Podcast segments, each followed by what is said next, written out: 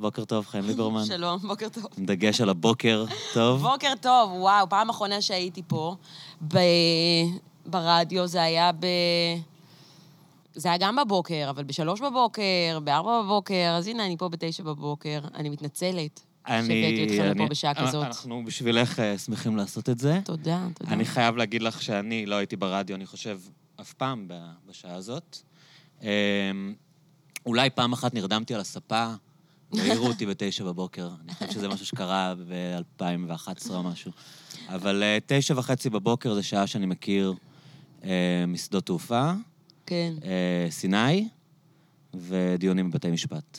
תשמע, עד, זה- כאילו, עד שנולדה לי ילדה, גם אני לא... לא, בוא נאמר, יש לי עבודה שכן דרשה ממני לקום בשעות מוקדמות, אבל תשע בבוקר זה היה הסטנדרט שבו אני מתעוררת, וזה בעייתי בתחום שלי. כי עד תשע בבוקר מלא דברים יכולים לקרות, ואני זוכרת את הבוקר הזה שלא התעוררתי כשחיים גורי נפטר, ואז, סליחה, לא נפטר, מת, נפטר אומרים אחרי ההלוויה.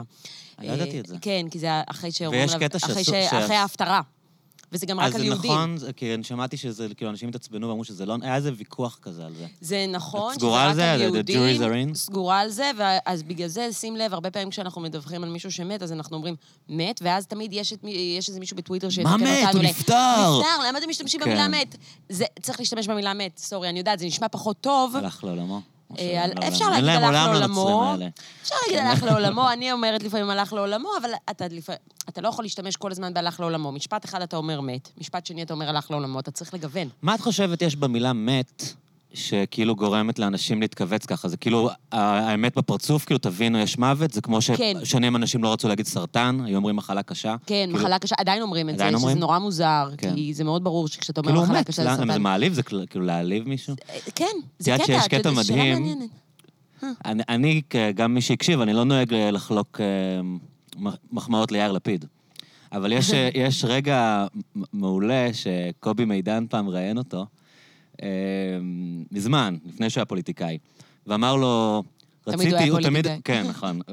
בפוזה הקובי מידנית, כן. הספק פסיכולוג, ספק עיתונאי, אז הוא אומר לו, ובכל זאת רציתי לדבר איתך על אחותך המתה. המיטה. ו- ואז יאיר אומר לו, היא מתה, קובי, היא לא מתה, היא מתה. אבל זה מין משהו, כשאנשים אומרים את המילה הזאת, הם, הם רוצים לעדן אותה, אז נפטר זה מעדן את זה, זה, זה הופך את זה למשהו שהוא פחות אולי חייתי. כן. זה, זה משהו שהוא יותר בעולם הרוח, בעולם ה... אין, כאילו, מה כן, שאנחנו כן. מתיימרים להיות כבני כן, אדם. זה לא שגוף מת, אלא משהו... כן, בעוד... אה, לא, אנחנו בסוף מתים.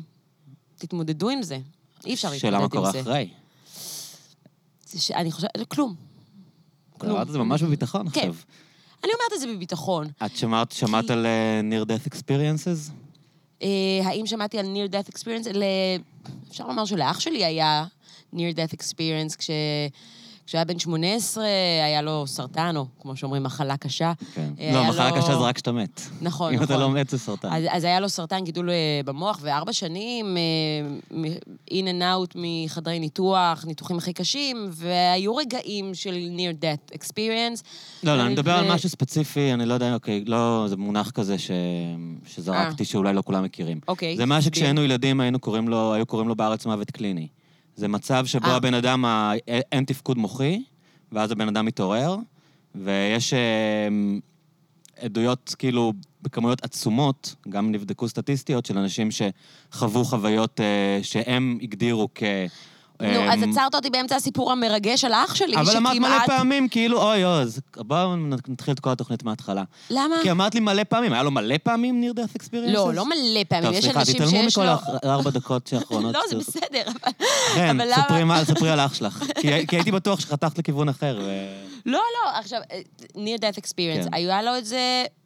שוב, היה לו את זה פעם אחת, כן. והוא כן מספר על איזושהי חוויה שיכול לזכור, אבל שוב, בגלל זה זה near death experience, זה לא death. הסיבה שאני אומרת בביטחון מלא, שאחרי המוות אין כלום, זה כי אני לא מוכנה לתת לכל מיני השערות ורעיונות ופנטזיות של אנשים ושל דתות, אה, ל... לאתגר את מה שאנחנו כן יודעים בוודאות. כלומר, תמיד אנשים אומרים לי, אבל איך את יודעת שאין אלוהים? כי אין לי שום סיבה לדעת שיש אלוהים, כמו שאין לי שום סיבה לדעת שאתה אה, מישהו שאתה לא. כלומר, אתה אומר לי שאתה אריאל, אין לי שום סיבה לחשוב שאתה לא אריאל, נכון? אוקיי, אז אה, את יכולה להיות אגנוסטית, יכולה להגיד, אני לא יודעת, וזו לא שאלה שאני מתעסקת בה. כאילו לא. לקבוע שאין, גם לגבי... אה, רגע, אבל למה זה, כן. אז למה זה בסדר שאני אקבע עכשיו שזה בקבוק סודה? למה זה בסדר שאת זה אני כן אקבע? את זה את יודעת, את לא יודעת אם יש חיים אחרי המוות או לא. לא, אני יכולה, אפשר להגיד, אבל אולי זה לא בקבוק סודה, אולי את רק חושבת שזה בקבוק סודה, אולי זה אלוהים את בתוך לא מכירה את בקבוק הקטע הזה הסודה. של לואי? אני לא יודע אם את עדיין אפשר לדבר איתך על לואי, כאילו. בטח שאפשר, אוקיי. וואו, אפשר, אפשר לדבר על לואי, ויש לי מה להגיד על לואי גם אוקיי. בהקשר של ההטרדות אז המיניות. אה, ללואי יש, יש לו אה, ביט על זה. כן. שהוא אומר, אנשים שבאים כאילו ואומרים, אני יודע שאין אלוהים. אז הוא אומר, איך אתם יודעים? כי אף פעם לא ראיתי אותו. אומר לו, בן אדם, אתה אף פעם לא יצאת מניו יורק. כאילו, אף פעם לא ראית אותו, אתה לא יודע מה קורה מאחורי העמוד הזה, אז לא ראית אותו, כאילו.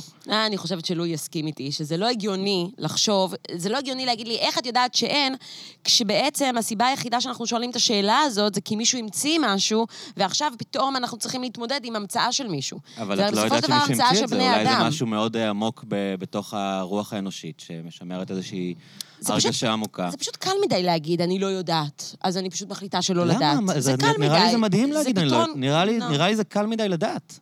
נראה לי זה מדהים לא לדעת. אני לא יודע. מה, כאילו, בוא תמודד עם זה שאתה לא פותר- יודע. לא, ואז זה פותר אותי מהתמודדות. נשמע לי שזה כאילו מין בחירה להגיד, אוקיי, אני יודעת, בגלל שאין לי מה לעשות עם זה, אני מחליטה תראה, שאין. אני אגיד לך את זה אחרת, אוקיי? כן. אני יודעת עד שיוכח לי אחרת, סבבה? אבל אני יודעת מה שאני יודעת כרגע. אוקיי, אני לא יכולה, הבנתי. על סמך דברים... זאת ההנחה שלך. כן. אוקיי. ברור שאם יבואו ויוכיחו לי שיש, אז אני אגיד, שזה סבבה. השתכנעתי. לא, לא, להגיד שזה ההנחה שלך זה אחלה, וגם הנחות אתה יכול לבחור לפי מה שמסתדר לך בחיים שלך לשני הכיוונים. כאילו, יש אנשים שנוח להם להניח שיש חיים אחרי המוות כי זה נותן להם כוח, ויש אנשים שאומרים, אני לא רוצה להתעסק בזה, כי אז אני אפספס את החיים שלי, אז אני אניח שיש מוות, אבל אני, האמת היא שלא יודעים, ואני פשוט, ספציפית, הנושא הזה של...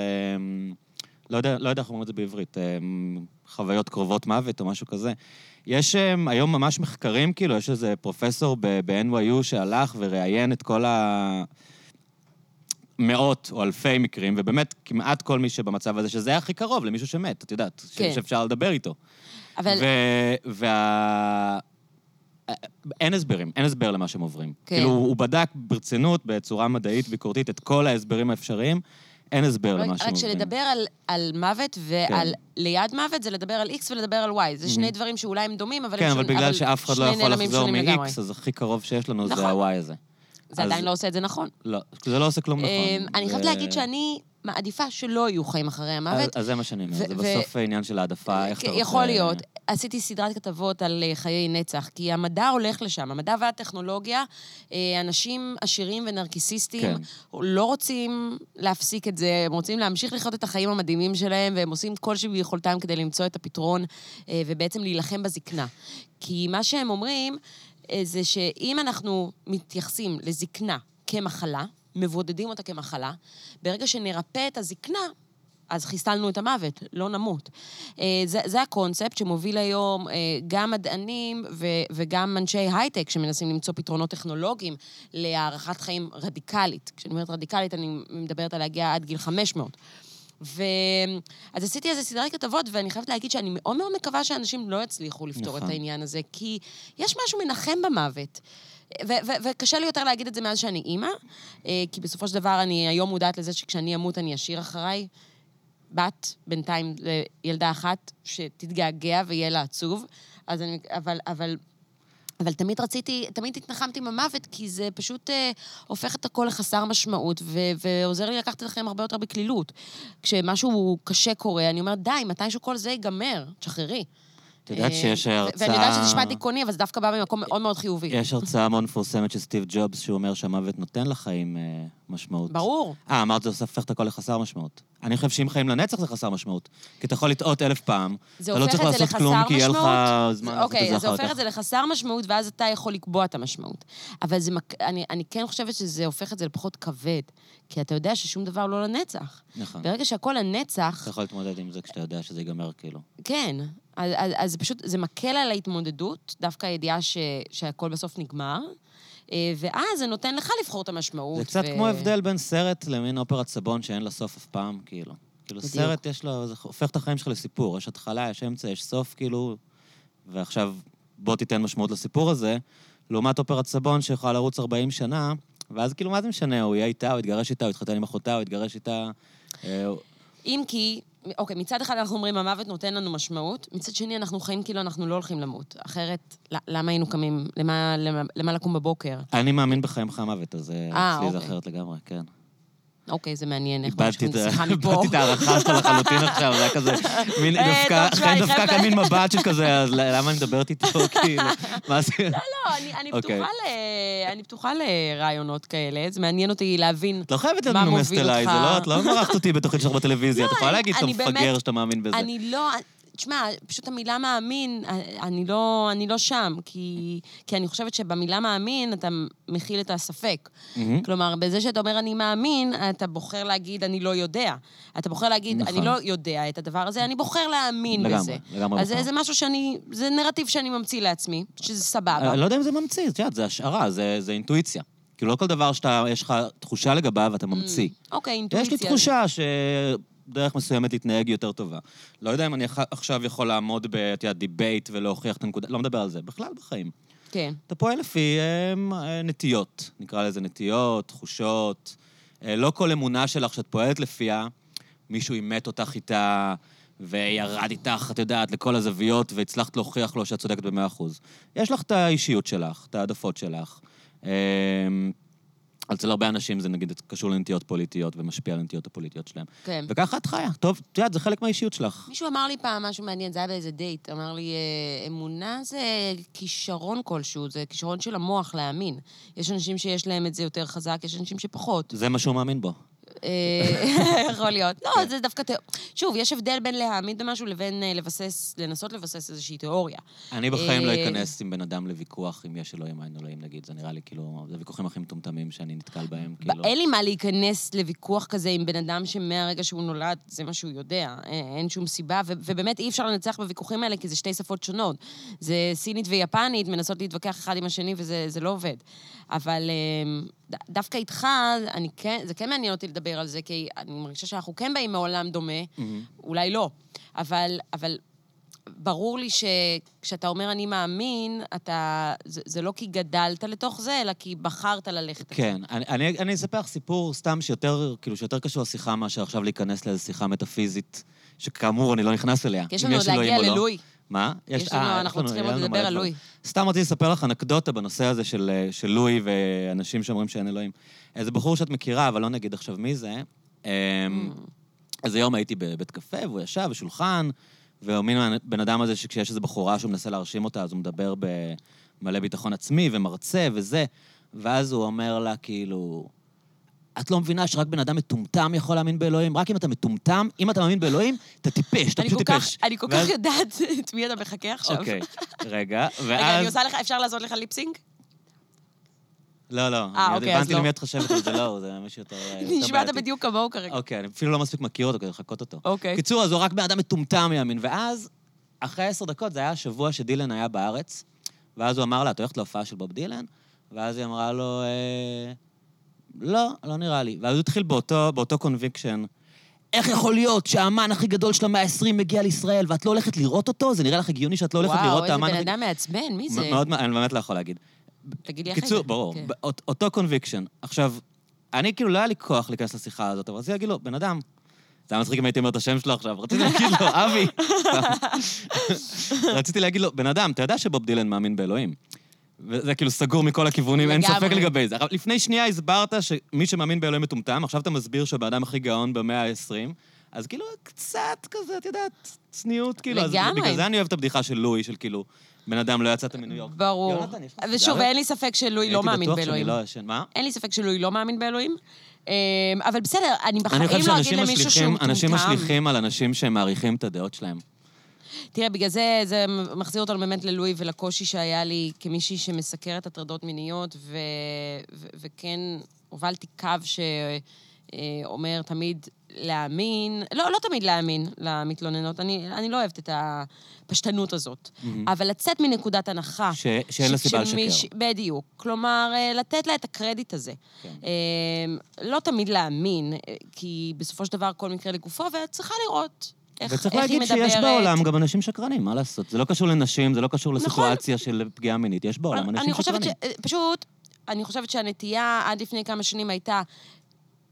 נקודת ההנחה הייתה שכולן משקרות, כלומר, אה, אין מצב, ועכשיו אנחנו בצד השני של כולן לא משקרות. אז צריך להבין, יש שקרניות ויש שקרנים בעולם הזה, יש אנשים משוגעים ויש נשים משוגעות, יש הכל מהכל, וכן, יכולה לקום אישה משוגעת ולהמציא סיפור, ברור. אבל הסיכויים שתקום אישה משוגעת ותמציא סיפור הם די קטנים. המשפטים, כי נטל אנחנו- ההוכחה זה על מי שאומר שהיא שקרנית, ועדיף עדיף להניח מראש אה, שהיא אומרת האמת, בוא כי נאמר, זה המ- נטל כי זה רוב ההוכחה לא המקרים. צריך להיות רק עליה, וגם, ובאמת, יש פחות אנשים משוגעים מאנשים נורמליים בעולם, אז בואו נצא קודם כל מתוך ההנחה הזאת. כלומר, אה, בואו בוא ננסה להסתכל על הטרדות מיניות ועל כל השיח הזה, כמו שאנחנו מסתכלים על כל דבר. שנייה לנטרל את זה. כן, כשבן אה, אדם אומר שפרצו לו על הבית, לא ישר אומרים לו שהוא שקרן. בדיוק, וש- בדיוק. אז, אה, אז, אז זה מה שאני חושבת. ול, אבל לגבי לואי סי קיי, אני מודה שהיה לי מאוד מאוד קשה, כי... כי, כי ברגע ש... כי, כי תמיד מצפים ממך שאת אה, הכתבת הפמיניסטית הזאת, שיוצאת נגד כל המטרידנים, כן, כן. אז... אה, ופתאום בא בן אדם שאת בואי- מעריצה... בואי תהיה הקול הפמיניסטי בנושא כן, הזה. ופתאום בא בן אדם שאת מעריצה וחולה עליו, ולא רק חולה עליו כי הוא נורא נורא מצחיק, גם חולה על הפמיניזם שלו. בסדרות וכתבות שעשיתי על הטרדות מיניות, או סדרת כתבות שעשיתי על הפלות נגיד, השתמשתי בבדיחות של לואי, כי אני חושבת שהוא מתאר את הדברים האלה בצורה הכי מדויקת, ויש לו בדיחה הרי על, על אונס. הבדיחה היא, אני לא, I don't understand what's wrong with rape. I mean, how else are you supposed to have sex with someone when she doesn't want to have sex with you? עכשיו, זו בדיחה של בן אדם שהוא כל כך מודע, הוא מבין שאף אחד לא ייקח את זה ברצינות, שאין שום דבר. כן, לא, הוא גם כל כך מודע לכוח כאילו. שלו כגבר. יש לו גם בדיחה על זה כן. של כאילו, הוא לא מבין איך אנחנו יוצאות איתם לדייטים, כי אנחנו ממש מסכנות את החיים שלנו. כאילו, הוא אומר, גורם המוות מספר אחד לנשים. זה גברים. נכון. איך אתן נכנסות איתי לאוטו? אתן משוגעות? כאילו, אז- הוא כל כך מודע לזה. ו- ו- וליחסי הכוחות בין גברים לנשים, שפתאום לשמוע עליו שהוא מטרידן ושהוא תוקף מינית, זה היה מאוד קשה. ואז נכנסתי לעומק של התיאורים, אה, של המעשים. וכי כי אתה יודע, מאוד קל להתמקד רק בכותרות, ולא לטרוח באמת לשמוע רגע. מה בדיוק הוא עשה? מה בדיוק הרווי ויינסטין עשה?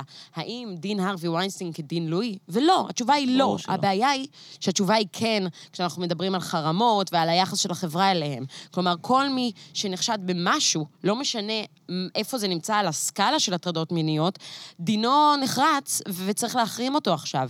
ומה שהרווי ויינסטין עשה, זה פי אלף יותר גרוע ממה שלואי עשה.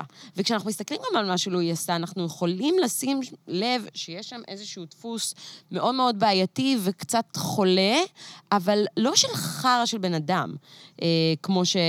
כמו הדברים של הרווי ויינסטין. כלומר, אה, בסוף, אתה, אתה רוצה שאולי נחזור ספרי רגע... רגע בקצרה מה הוא עשה אולי, למרות שזה כאילו, כאילו, כאילו, ממש בקצר, כי אני לא רוצה שנדבר עליו כל התוכנית. בסופו של דבר אה, היה סיפור אחד שהוא אה, הרים טלפון למישהי, לקומיקאית, והיא הבינה תוך כדי השיחה שהוא מאונן. דייב שאפל אמר על זה, hang up the phone, bitch, bitch. No, אבל- one taught you to, no one taught you, אף אחד לא לימד אותך לנתק את הטלפון, מה את רוצה? עכשיו, זה- זה נורא, כאילו, זה נורא שאני צוחקת מזה, כי אני אבל ממש לא יש אמורה. בזה משהו, כאילו, נתקי את הטלפון. לא, תראה, סבבה, נתקי את הטלפון, אני לא חושבת שזה שהיא לא זה לא- הטלפון, זה לא מצדיק את מה שהוא עשה בשום רמה, ברור, אה, ברור, ושתי ברור. קומיקאיות אחרות שעלו אליו לחדר, והוא פשוט גם כן התחיל לאונן. יש פה לא, אבל בעיה בואי. רגע נגיד את העניין הזה. הוא סיפר להם, אוקיי, אני לא רוצה להיות עוד פעם בצד, אני מסוכן להיות בצד של הגברים, אני רק אספר מה... אבל זהו, אתה מבין, אני לא רוצה העובדות? שתרגיש שזה מסוכן לדבר, כי אנחנו אוקיי, חייבות רגע לקחת שנייה...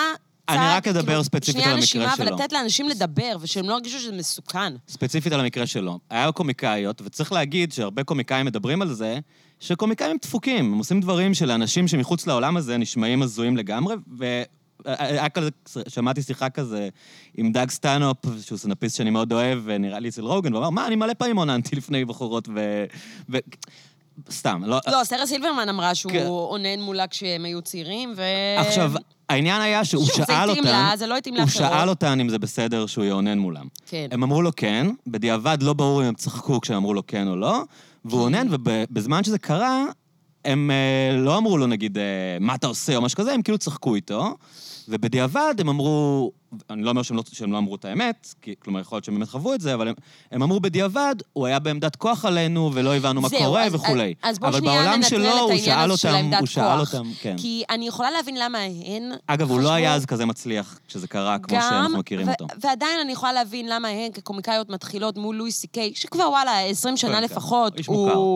הוא מאוד כן, מצליח. כן. אולי אלינו הגיע קצת יותר מאוחר, אבל אני יכולה להבין למה הן הרגישו שהוא בעמדת כוח. ברור. מצד שני, אני יכולה להבין למה הוא לא, לא הבין מודע. את זה. מהמם. אה, כי כשאתה בעמדת כוח כזאת, אתה עדיין, מבחינתך, אתה עדיין לואי. הבחור המוזר הזה שרוצה לאונן מול בחורה, שזה דבר מוזר, זה, ושאנשים לא, זה, שוח- זה לא סטייה לא חושקות בו, יש. לו אמ, דימוי עצמי מאוד נמוך בדיוק. במובן המיני. אה, אז אני יכולה להבין, וגם ראיתי, כשראיתי את שזה מצדיק ההתנצלות. שלו, תראה, קראנו את ההתנצלות שלו, וגם כן, כל כך לא אהבתי את זה שאחרי שהוא התנצל, כולם התחילו לרדת עליו, שהוא מתנצל, אבל בעצם הוא עף על עצמו בהתנצלות. די, הבן אדם מתנצל בצורה הכי ישירה והכי ברורה שיש. עשה- פרש כאילו מהתוכנית שלו. כן, כאילו, הוא לקח ספרו אחריות. שהוא הפסיד אה, 30 מיליון דולר או 50 מיליון דולר במהלך התקופה הזאת שהוא... אה, אוי, כן, יש לו סטנדאפ שהוא, כן- שהוא עשה לא מזמן, שהוא מדבר על כמה כסף הוא הפסיד וכמה מטורף זה. עכשיו, ויש שוב, משהו יותר מצחיק שם, שהוא אומר איזו בדיחה סופר מזעזעת וכולם כזה בהלם, ואז אומר להם, טוב, מה אכפת לי, החיים שלי נגמרו גם ככה, אז תהנו. נכון. תשמע, אנחנו מצפים מאנשים שיהיו, ברגע שהם אה, מוכרים, שהם יהיו גם מושלמים. אבל לואי סי קיי לא היה לואי אם הוא היה כזה מושלם ונורמלי. אוהבים זה- אוהבים אותו כי הוא דפוק, עד הנקודה שבה זה לא נכון. מגניב שהוא דפוק. עכשיו, לא צריך, הוא לא צריך לנצל את כוחו ואת ההצלחה שלו בשביל להתעמר ולנצל נשים. אני פשוט באמת לא חושבת שבסיטואציה הזאת ש, ש, שבה הוא אונן מולן, הוא חשב שהוא מנצל אותן. אני כן יכולה להבין למה הן הרגישו מנוצלות. אני, שוב, מה שהוא עשה זה דוחה, זה מגעיל, הכ- הכל כן, נכון. השאלה אם אה, פשוט אה, השאלה אם לתלות צריך אותו ולגמור את הקריירה שלו. לי- לגמרי אגב, מפני כדור הארץ. אה, אה, כי אה, את הרווי ויינסטין כן, אתה מבין? אבל זה שני דברים נורא שונים. העניין שהבעיה שלי עם זה, יש לי אחרי זה עוד משהו להגיד על זה, הבעיה שלי עם זה זה לא הוא, הבעיה שלי זה שאני מפסיד את הקומיקאי הכי גדול בעולם בגלל זה. כלומר, איפה הסובלנות שלנו, גם עם אנשים דפוקים, היה לי שיחה על זה גם עם עידן גבריאל, אוקיי, הוא דפוק. הבן אדם הוא לדעתי, הוא לא רק הקומיקאי הכי גדול בעולם, הוא בעיניי מקביל לסופרים הגדולים שהיו במאה ה-20. כלומר, הוא בן אדם שהרעיונות שלו, והתפיסה שלו, והניתוח שלו, של המצב האנושי, הם יותר מעניינות מכמעט כל סופר עכשווי שקראתי, ואני לא רוצה... לאבד את התובנות כאילו, האלה, שימו אותו בדיוק. בכלא ותנו לו לכתוב מהכלא, לא אכפת לי, כאילו. אבל אני לא רוצה לאבד את לואי, ואז יגידו לך, אבל כאילו. מה עם הנשים? אבל- הן נורא נפגעו. עכשיו, אני באמת בגלל- שואל- חושבת שגם אם תשאל את הנשים גם אם הוא היה האלה... רוצח ילד, לדבר בשפה של לואי, הייתי רוצה שהוא יהיה מסוגל להמשיך לכתוב ספרים, ואני אוכל לקרוא את הספרים שלו. זה, זה, ומי שלא ירצה לקרוא את הספרים שלו, שלא יקרא את הספרים שלו. כלומר, יש... אה, הסופרים הגדולים בהיסטוריה, לחלקם יש ביוגרפיות מזעזעות. תומכי כן. נאצים, אנטישמים, פדופילים, סלינג'ר, אחד הסופרים האהובים עליי. אני צריך ש, שאנשים הכי גאונים בעולם, אין לנו אה, אינפלציה של גאונים אמיתיים בעולם, אני צריך שהם יהיו מסוגלים לכתוב, זה, זה הגישה שלי. וזה לא קשור כרגע ל...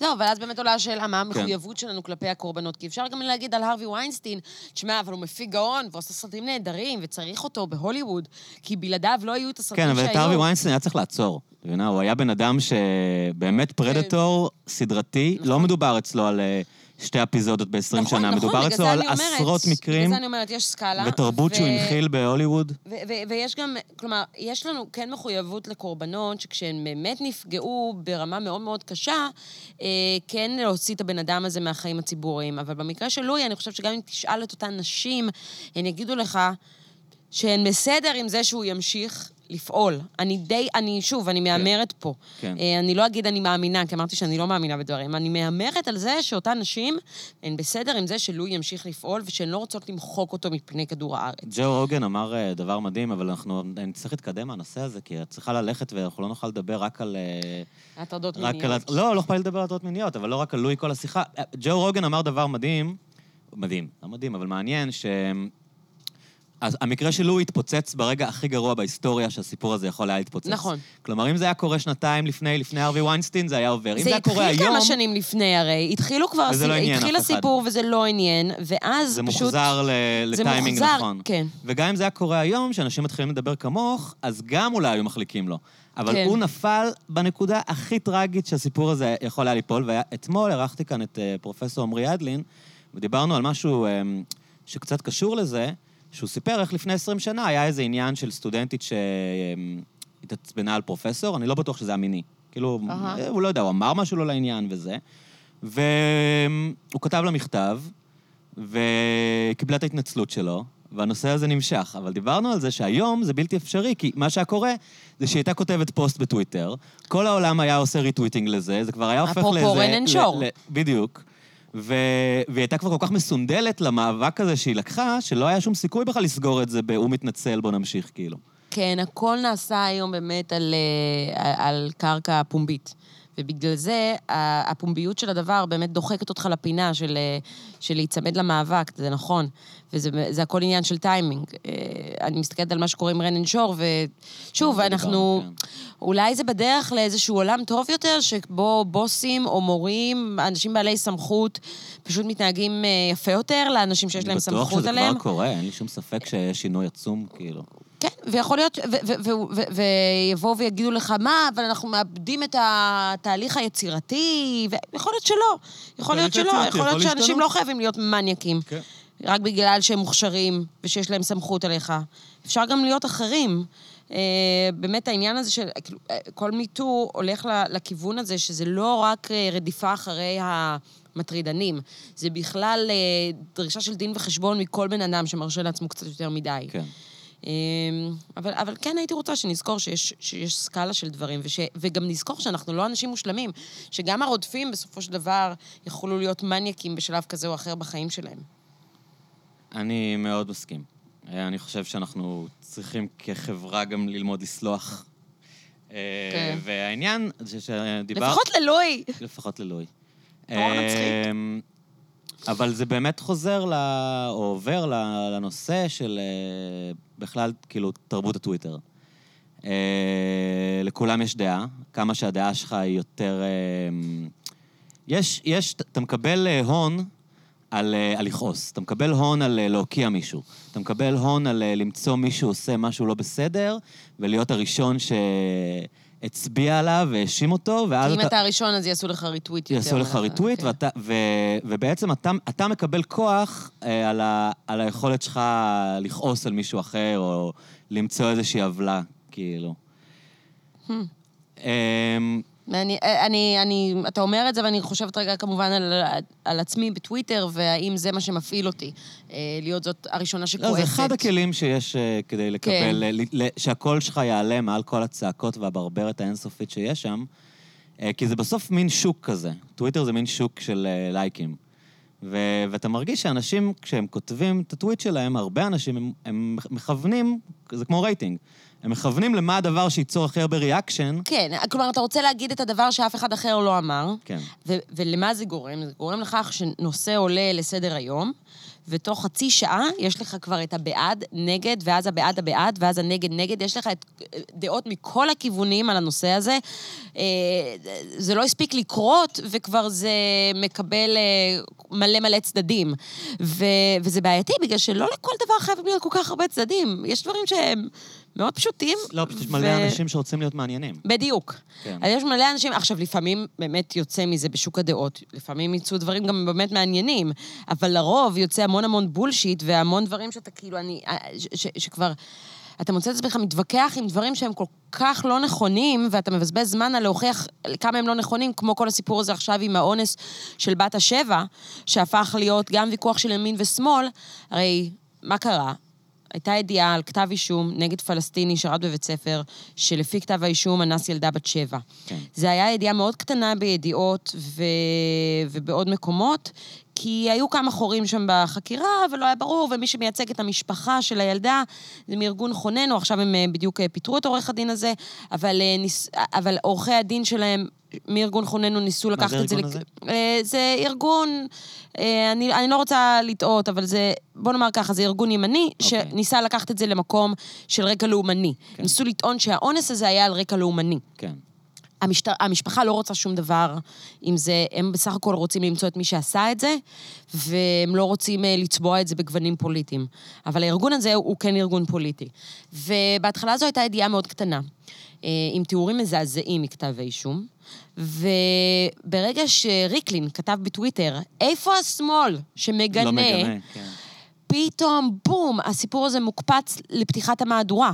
עכשיו, אני לא אגיד לך שזה לא סיפור מחריד ומעניין שצריך לדבר עליו, אבל עכשיו הסיבה שאנחנו מדברים על זה לפני כל הדברים האחרים שקרו, זה בגלל שזה הפך להיות שיחה של ימין ושמאל, וזה הכל בגלל הציוץ הזה של ריקלין, שבעצם דורש מהשמאל לגנות. כאילו צריך לגנות אונס? מה, זה לא באונס, ברור?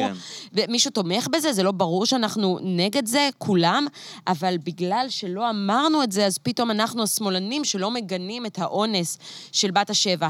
כשאני לא ראיתי את ריקלין מגנה אונס מ... כש... כשזה סתם קרה למישהי, לא, בג... לא כשהיא בת שבע ולא על ידי פלסטיני. אתה מבין? אבל, אבל זה כל כך מטומטם.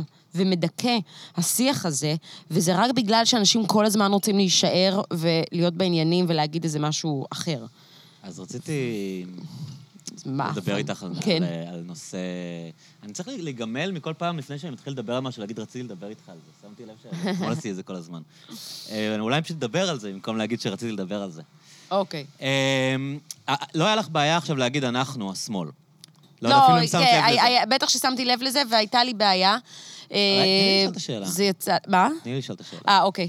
לא, כי אני... כי- כי- אוקיי. כי עשי- כי עשיתי פה טעות, אני לא יודעת מה זה אנחנו הזה. זה- אני נגררת בדיוק לשיח של אתם ואנחנו. לא, אני- אני ואין לי מושג אני מי זה אגיד לך- אנחנו. אני אגיד לך למה אני אומר את זה. כן. אה, רציתי לדבר איתך בכלל על מה שקורה עם, עם ברודקאסט וטלוויזיה ב, בעולם שאנחנו חיים בו. כאילו, אה, לי יש הרגשה שבעידן של אה, אין, טוויטר, פייסבוק, אה, תקשורת שאנשים אה, מקבלים את החדשות שלהם בהתראות בסמארטפון, ולא מהמהדורה המרכזית ולא מהעיתון של הבוקר, הטלוויזיה, או השידור בטלוויזיה, הופך להיות הרבה יותר שידור של דעות. כלומר, תוכניות כמו, אה, נראה לי שזה אצלכם בערוץ, אה, רני ו... שרון? ורני. אה, שרון גל. שרון גל ורני רהב. כן. זאת אומרת, יש הרבה יותר, התוכניות אקטואליה הן הרבה יותר בלוגים היום. זה הרבה יותר כאילו... אה, אם העיתונאים... אתה ימני, אתה מוזמן לבוא ולהביע את הדעות שלך. אם אתה שמאלני, סתום את הפה. יהיה שמאלני נחמד באיזה לא, פאנל. ו- עכשיו יגידו לי, מה, אבל כל התקשורת שמאלנית. יכול להיות, אה, ברור לי למה אנשים חושבים ככה, אבל השמאלנים שבתקשורת לא שם בשביל להביע את הדעות שלהם. הימנים שבתקשורת, ברור שכולנו יודעים שהם הימנים שבתקשורת, נכון? הם יכולים להיות מחוץ לארון. הם הובאו אה, בין השאר כדי להראות, היי, תראו, יש לנו גם ימנים. עכשיו, זה לא שאני באה ומזלזלת ואומרת, הם לא מוכשרים מספיק.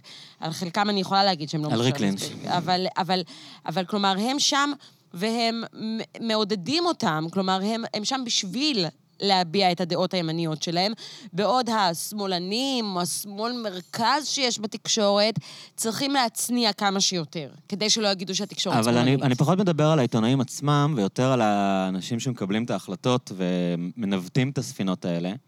כי אני רואה את זה לא אה, רק... אה, אתה בערוץ 13, נכון? בערוץ 13, לא רק כן. בערוץ 13 וכו', אלא אתה רואה את זה... אוקיי, פוקס ניוז קודם כל. בפוקס ניוז הם כאילו המציאו את זה, הם מבינים שהיום, בגלל שאנשים יודעים מה החדשות, כשאתה פותח את המהדורה, אתה יודע מה החדשות. אז אתה בעצם כבר רוצה לשמוע את, ה... את הפרשנות על החדשות, את הדעה. ואז אתה הרבה פעמים רוצה לשמוע את המחנה שלך, את יודעת, משהו שאתה מתחבר אליו רגשית. בפוקס ניוז היום אתה מקבל כותרות ראשיות של הפרשן שלנו אומר שהילרי קלינטון משהו, כאילו החוסר אה, הפרדה בין דעה ל- לידיעה הוא טוטאלי, ואז אתה רואה את זה גם אה, בניו יורק טיימס, בגרדיאן, בגופים שמאליים, בהארץ, בישראל.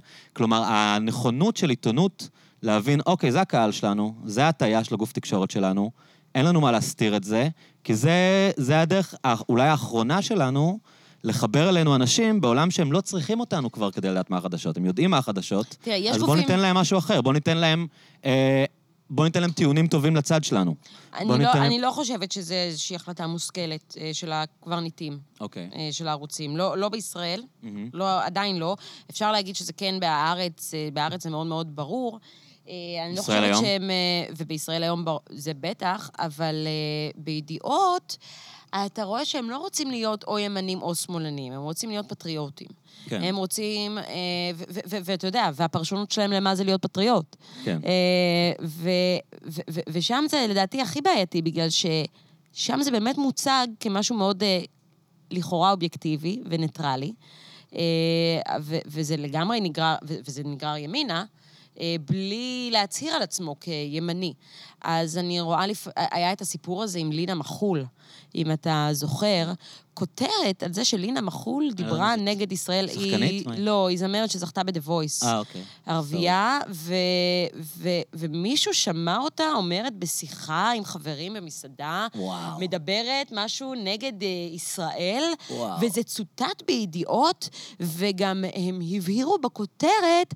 שלא בטוח שהוא שמע נכון. לא, גם יכול להיות, וגם הם הבהירו בכותרת, ובכותרת משנה, שלינה מחול זכתה ב-The Voice, וקיבלה את נתנו לה. אהבת הקהל. היהודים נתנו לה לזכות ב-The Voice, הזאת. כן. ואני, אתה יודע, עכשיו זה בידיעות, זה לא בישראל היום. כן. אז אם זה בישראל היום, אנשים יכולים להגיד לעצמם, וואלה, טוב, זה ישראל היום, הם יכולים לשים את זה בהקשר. אבל לידיעות עדיין מתיימר להיות איזה משהו ניטרלי, והרבה אנשים יגידו, זה בכלל עיתון של השמאל. אז, אז, אז, אז שם זה הסכנה האמיתית. כי בארץ גם, אתה יודע מה אתה מקבל, אתה יודע מאיפה הם באים. ו, ו, ו, והפחד שלי זה דווקא מהמקומות האלה שלא מצהירים על עצמם, אבל כן לוקחים את השיח לאיפה שהם חושבים שהשיח צריך להיות, ואיפה שהם חושבים שנמצאת, ש, שנמצא מרכז הפופולריות. אה, הם רודפים אחרי הקהל בעצם. אה, כן, שוב, אחרי מה שהם רואים כקהל. כי גם התפיסה הזאת שיש עם אחד, הומוגני, וזה מה הישראלי, שהוא רוצה הישראלי לשמוע, המדומיין, הארכיטיפי שאליו, הציבור, כן. זה כל כך מתנשא. כן. לרצות להיות, כאילו, לה- להגיד לעם את מה שהוא רוצה, כי אין דבר כזה עם. תסתכלו על תוצאות הבחירות, אנחנו מאוד מחולקים, וזה כמעט חצי-חצי, אין עם אחד, ומי שמתיימר לחשוב שהוא יודע מה העם רוצה, זה פשוט התנשאות. אני חושבת שהדבר היחיד שאנחנו צריכים להיות מחויבים אליו כעיתונאים, זה האמת, זה העובדות, ול, וכשאתה מסתכל בהארץ, נכון, הארץ הוא עיתון שמאלני, אבל זה אתה יכול לראות בטור הדעות, בטורי הדעות. אני לא חושבת שכשאתה מסתכל על הכותרות, זועק מהן שמאל. הכותרות אה, הן אה, היום, הכות- ה- החוסר הפרדה שם כבר בין הדעות לבין הכותרות. הכותרות הרבה פעמים היום, לפחות באתר, הם הפושים. פרשנות. רציתי להגיד לך משהו אפרופו הארץ. עשיתי את זה עוד פעם, ראית, אילן? לא, זה היה רציתי להגיד, לא רציתי לדבר. אני... אקריא לך אה, משהו, מדהים שראיתי אתמול באפליקציה של הארץ. אה, אז, אז בינתיים אני כן. אגיד, עד שתמצא את זה, ש... כן. כי, כי אנחנו גם צריכים לשאול את עצמנו, מה, מה זה דעות שמאלניות? האם כשאני יוצאת נגד אה, מירי רגב וחוק נאמנות בתרבות, האם אני שמאלנית, או שבסך הכל אני חושבת שבמדינה דמוקרטית צריך להיות חופש ביטוי אה, ותקצוב תרבות גם למי שלא אומר את הדברים ששרת התרבות רוצה לשמוע, כן. כי כך עובדת מדינה מתוקנת, לא מדינה ימנית או שמאלנית, בסך הכל דמוקרטיה. אז אני חושבת שכשאתה אומר דברים שהם פרו-דמוקרטיים, יתייגו את זה כשמאל, זה לא שמאל, כן, אני מבין. זה ה basic, זה המובן מאליו, אמור להיות. מצאתי את זה, תשמעי. אוקיי. מרגרט אטווד טועה. סיפורה של שפחה היא כן יצירה אנטי-דתית. מי כתב? רוגל. אה, אה, הוא- כאילו, משחק בלהיות פי אלף יותר רוגל אלפר. הוא אומר כן. לסופרת שכתבה את סיפורה של שפחה שהיא טועה ושהיא לא יודעת מה היא כתבה. אני כאילו, מתה על עד איפה רוגל. אפשר לקחת, עד איפה אפשר לקחת את זה? מה שאני אוהבת ברוגל זה את הפסקנות. כן. אה, הכל לא, אצלו, אין אצלו, את המחלה הזאת של לדעתי. וואלה, אם אתה אומר משהו, זה ברור שזה לדעתך. הוא אומר דברים עם סימן קריאה, ובלי שום הסתייגות. אני מתה על זה, וזה לפעמים, מצחיק. אני לא יודע אם זה עדיין מצחיק. אבל, אבל חושב ברור לך שכשרוגל כותב טור, זה לא עובדה, זה לא כתבה, זה לא כותרת, זה לא ידיעה, זה בסך הכל טור. כלומר, הוא אמור להיות דעתן בטורים שלו. כן. אני אשמח לראות יותר ביקורת טלוויזיה אצלו, אבל זה בסדר, זה כבר נאמר הרבה פעמים על, נאמר הרבה פעמים על רוגל, אבל אה, פשוט כי אני חושבת שהוא כותב ביקורות טלוויזיה מעולות, ואני רוצה לשמוע יותר ממנו אני על חושב ביקורת שהוא טלוויזיה. בדיחה כבר עשרות שנים, זו הדעה שלי. אני חושב שהוא כאילו, הוא מין, הוא מין מחולל רוגל אלפר. אני הייתי קורא אותו כשהייתי בתיכון, וזה הצחיק אותי שמישהו יכול להיות כל כך רדיקלי בארץ, ואני חושב שהיום, בעולם שכל טוויטר וכל פייסבוק כל כך רדיקליים, וכולם כאילו רבים מי אומר דברים יותר קיצוניים, או יותר אה, מעז, הוא לא צריך את זה. אבל אני מחזירה אותך ל, כן. ל, לרצון שלך ולכמיהה שלך, שגם מישהו שעשה דברים נוראים ימשיך לכתוב מהכלא. הוא לא עושה דבר נורא, אני חושב שהוא כותב אז- טוב. אבל רוגל, יש לו עדיין את הראש המשוגע הזה, שאולי לפעמים יוצאות מי שיוצאים דברים שאתה לא... הוא פשוט צפוי מדי. אם, אם הייתי. מרגיש שהוא מפתיע אותי, אוקיי. או שהוא מביע דעות שלא הייתי חושב שהוא יכול להביע, ושלא כל אה, שעשועון אה, טריוויה אצלו הוא סמל הכיבוש, אוקיי. ואז אז אולי הייתי יכול להתעניין במה שהוא אומר, אבל זה מרגיש כאילו החשיבה היא כל כך מונוליטית, ויהיה לו את אותה פרשנות, לא משנה על מה. אבל ההתמדה שלו ב, ב, ב, ב, בניסיון כל הזמן אה, להצביע על הדברים, אה, אם זה כיבוש ואם זה האנטי-דתיות שלו, הנכונות שלו תמיד להרים את ה, להניף את הדגל הזה, הרבה פעמים זה מוציא ממנו דברים שלאף אחד אחר אין את האומץ להגיד. טוב, האמת שאני לא קורא, אני רק קורא את הכותרות, אומר, צוחק, הכותרות נכון, מצחיקות אותי. ולא חשבתי לקרוא את ההסבר שלו, למה מרגרט אטווד טועה לגבי הרומן שהיא כתבה. אבל... אה, אז תנסה, כי, אני אומרת לך. אני, אני גם היה לי איזשהו אנטי שפיתחתי כלפיו, עד שפשוט המשכתי לקרוא, והרבה פעמים הוא אומר את מה שלאף אחד אחר אין את האומץ להגיד, אז אני אומרת, וזה אבל בגלל למי אין הנכונות אומץ? זה שלו. כבר לא פעם, לכולם יש אומץ להגיד הכל היום. לא, יש הבדל בין אומץ של מישהו לא מוכר לצייץ, Mm. כשלא מספיק אנשים רואים את זה, לבין לכתוב משהו בטור בארץ. יש הבדל. מה ההבדל היום אה, בכלל בין... אה, ואין, שוב, אני, ברור שלרוגל גם יש את האומץ, כי הוא אה, עובד בפלטפורמה שמאפשרת לו, שרוצה את זה ממנו. למה אני צריך היום, לא, לא, לא צריכה להצדיק את זה, כן, אבל סתם אני תוהה, מה ההבדל בין, אני פותח הארץ, יש פינאלה למשחקי הכס, 300 ביקורות על אה, משחקי הכס, כל אחד שם מסתבר מבקר טלוויזיה, כתב המדיני כותב על משחקי הכס, כתב... כל, אחד הוא פרשן אוקיי, טלוויזיה. אוקיי.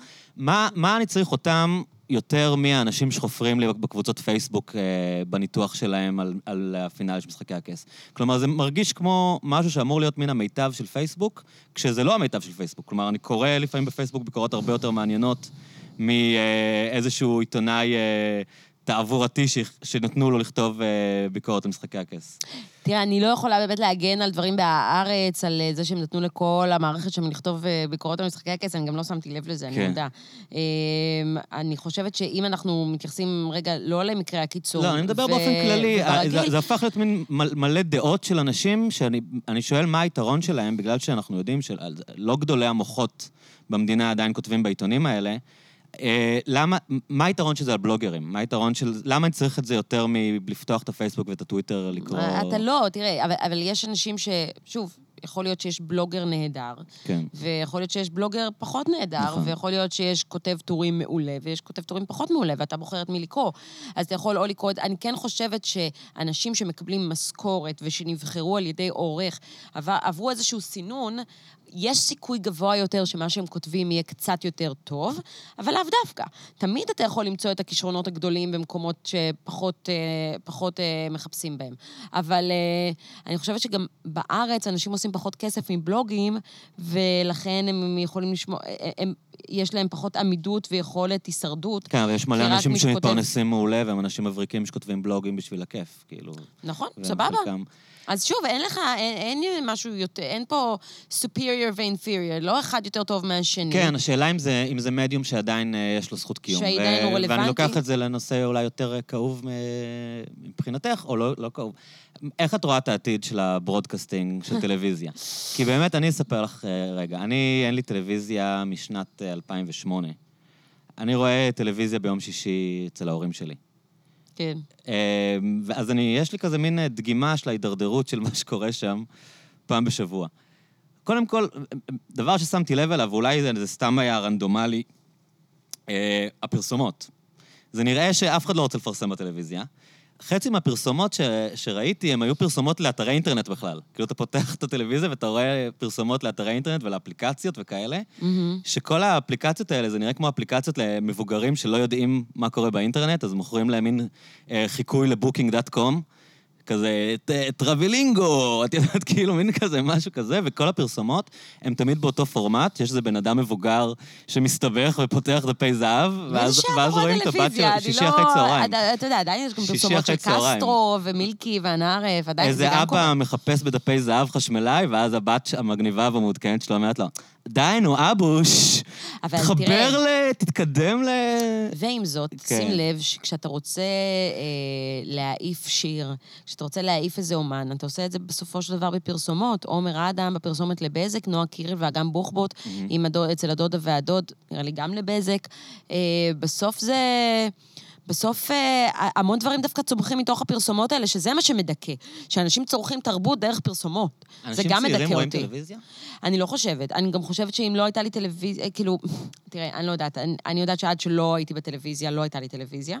אבל אה, שוב, זה היה שנות ה-20 שלי, והיום אני יכולה להגיד לך שאולי כשתהיה לך משפחה, אם תהיה לך משפחה, יכול להיות שאז פתאום תכניס את הטלוויזיה הביתה. נכון שבשנות ה-20 שלנו אנחנו כל הזמן בחוץ, ולמי יש זמן לשבת לראות טלוויזיה, לא, אני רואה מלא טלוויזיה, אני פשוט רואה אותה בנטפליקס, ואני נכון. מוריד אה, נכון. סדרות של HBO, וזה נראה לי... יש משהו נחמד כשאתה...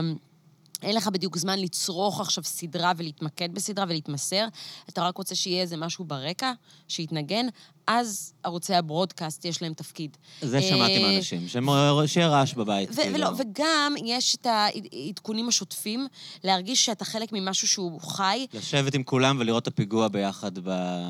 כן, זה נורא לומר כאילו את זה. ראית בטלפון שיש פיגוע, אז עכשיו אתה פותח את זה כדי להיות חלק מהחוויה ולראות עם כולם את כן, מה שהם רואים. וראינו בצוק איתן איך הרייטינג התפוצץ, בגלל שאנשים... המדורת השבט המקורית שדיברו עליה. כן, אז אולי בארצות הברית זה לא רלוונטי, אבל בישראל, כן. מדינה שעדיין קורים בה תרחישים כאלה, מן הסתם יש יותר צורך במדורת השבט הזאת, שלא דולקת כל הזמן, היא לא בוערת כל הזמן, אבל כשצריך היא בוערת, ואז יש, יש נהירה של אנשים Mm. לדבר הזה. האם על סמך זה בבחירות, הברודקאסט בפ- הנה, יכול... בבחירות ראיתי. רציתי ברור, לראות את המדגמים עם. כל העולם, אה, נכון. כל המדינה. אבל האם על זה ברודקאסט יכול אה, להישען ולשרוד, על המקרי קיצון שבהם יש תרחישים שגורמים לכולם לנהור? לא. אבל זה גם ממריץ אותו לחפש מקרים כאלה, כמובן. כאילו, אז- להפוך דברים למק... כן, בדיוק, למשהו כזה. בדיוק. כלומר, להפוך כל כי הם דבר יודעים שיש לנו עכשיו לאירוע. הזדמנות, בדיוק. כן, תראה, כשיש משהו שאתה אה, יכול לפתוח בגללו גל פתוח, אז אתה פותח. אבל אתה לא, אה, אתה לא תעשה את זה יותר מדי, אתה לא תשתמש ביכולת הזאת יותר מדי, כי בסופו של דבר יש לך תוכניות מוקלטות, אתה לא על כל דבר... תבטל את התוכנית המוקלטת. שכבר שילמת אה, עליה. בדיוק, ותתחיל עכשיו גל פתוח. זה לא משהו שאתה יכול להשתמש בו יותר מדי. כן, אני פשוט חושב שהפורמט הוא, הוא כאילו בחלקו עוד לא הסתגל ל-2019. זאת אומרת, אולי הוא כן עובד לקהלים מבוגרים, להורים שלי. נכון. אבל נגיד רוגן צוחק על זה כמה פעמים, שאתה רואה, נגיד, תוכנית טלוויזיה, לא יודע, לייט נייט, ואז ה- והמנחה אומר כאילו, טוב, אנחנו, אנחנו יוצאים רגע להפסקה, אל תלכו לשום מקום. והוא כזה, מה, השנה כבר 2019, שנלך. מה זה אל תלכו לשום מקום? לאן אתם הולכים? הרגע הייתם כאן. את יודעת, אני יושב, אני רואה נטפליקס, אני רואה גם, את יודעת, טוק שואים ב- בנטפליקס. אני מעביר קדימה, אני הולך אחורה, אני עוצר מתי שבא לי. מה, כל הקטע הזה של הם הולכים לאנשהו. הוא- באמת בעיה שהברודקאסט- תחכה, אני אחכה לכם? כאילו, אני כן. עובד אצלכם? מה זה? לא, ברור, זה, זה בעייתי גם שהברודקאסט עדיין מתבסס על... אה, הפס- מקבצי המודל פרסומות. הכלכלי הוא עדיין פרסומות, וזה משהו שבאמת, אני חושבת שמיטב המוחות שוברים את הראש של איך, אה, לאן זה הולך. כי ברור שאנשים לא נשארים לראות פרסומות, ו, ותמיד יש להם לאן לזגזג. אה, אם כי... תשים לב ששוב, אנשים בסוף גם קצת נשארים לראות פרסומות. זה איזשהו, וזה, וזה נורא, זה איזשהו משהו כזה שחופר לך בלופים במוח, ואתה נשאר מול זה, כי לפעמים אין לך את הכוח אפילו להעביר.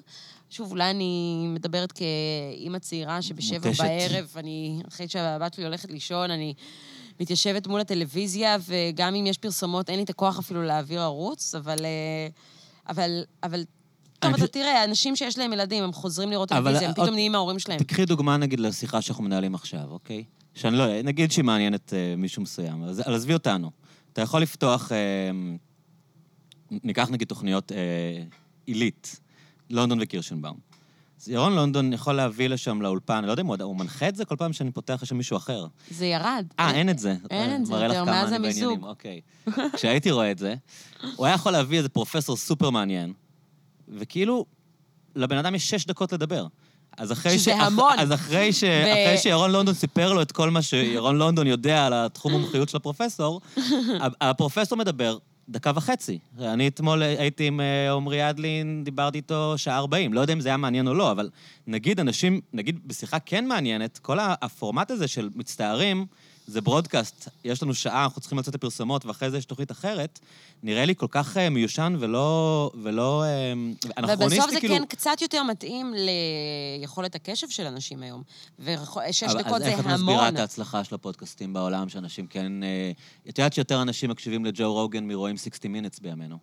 זאת אומרת, מקשיבים לכל תוכנית שלו ארבעה מיליון איש, אז אולי כל ההנחות לגבי יכולות הקשב של האנשים, כמו שאמרת, ההנחות לגבי מה זה הישראלי, הן הנחות אה, אנכרוניסטיות שאבד אליהן שוב, הקלח. יש הבדל בין משהו שבחרת on demand עכשיו לשמוע, שזה פודקאסט, בחרת את זה on demand, לבין משהו שהוא פתוח לך ברקע, ואתה עושה עוד דברים במקביל, ואז שש דקות, כי אתה כבר תעביר ואתה... אבל אני גם יכול להקשיב תקפוץ. לפודקאסט ברקע. זה מה שרוב האנשים עושים. הם שוטפים כלים כשהם מקשיבים לפודקאסט, או...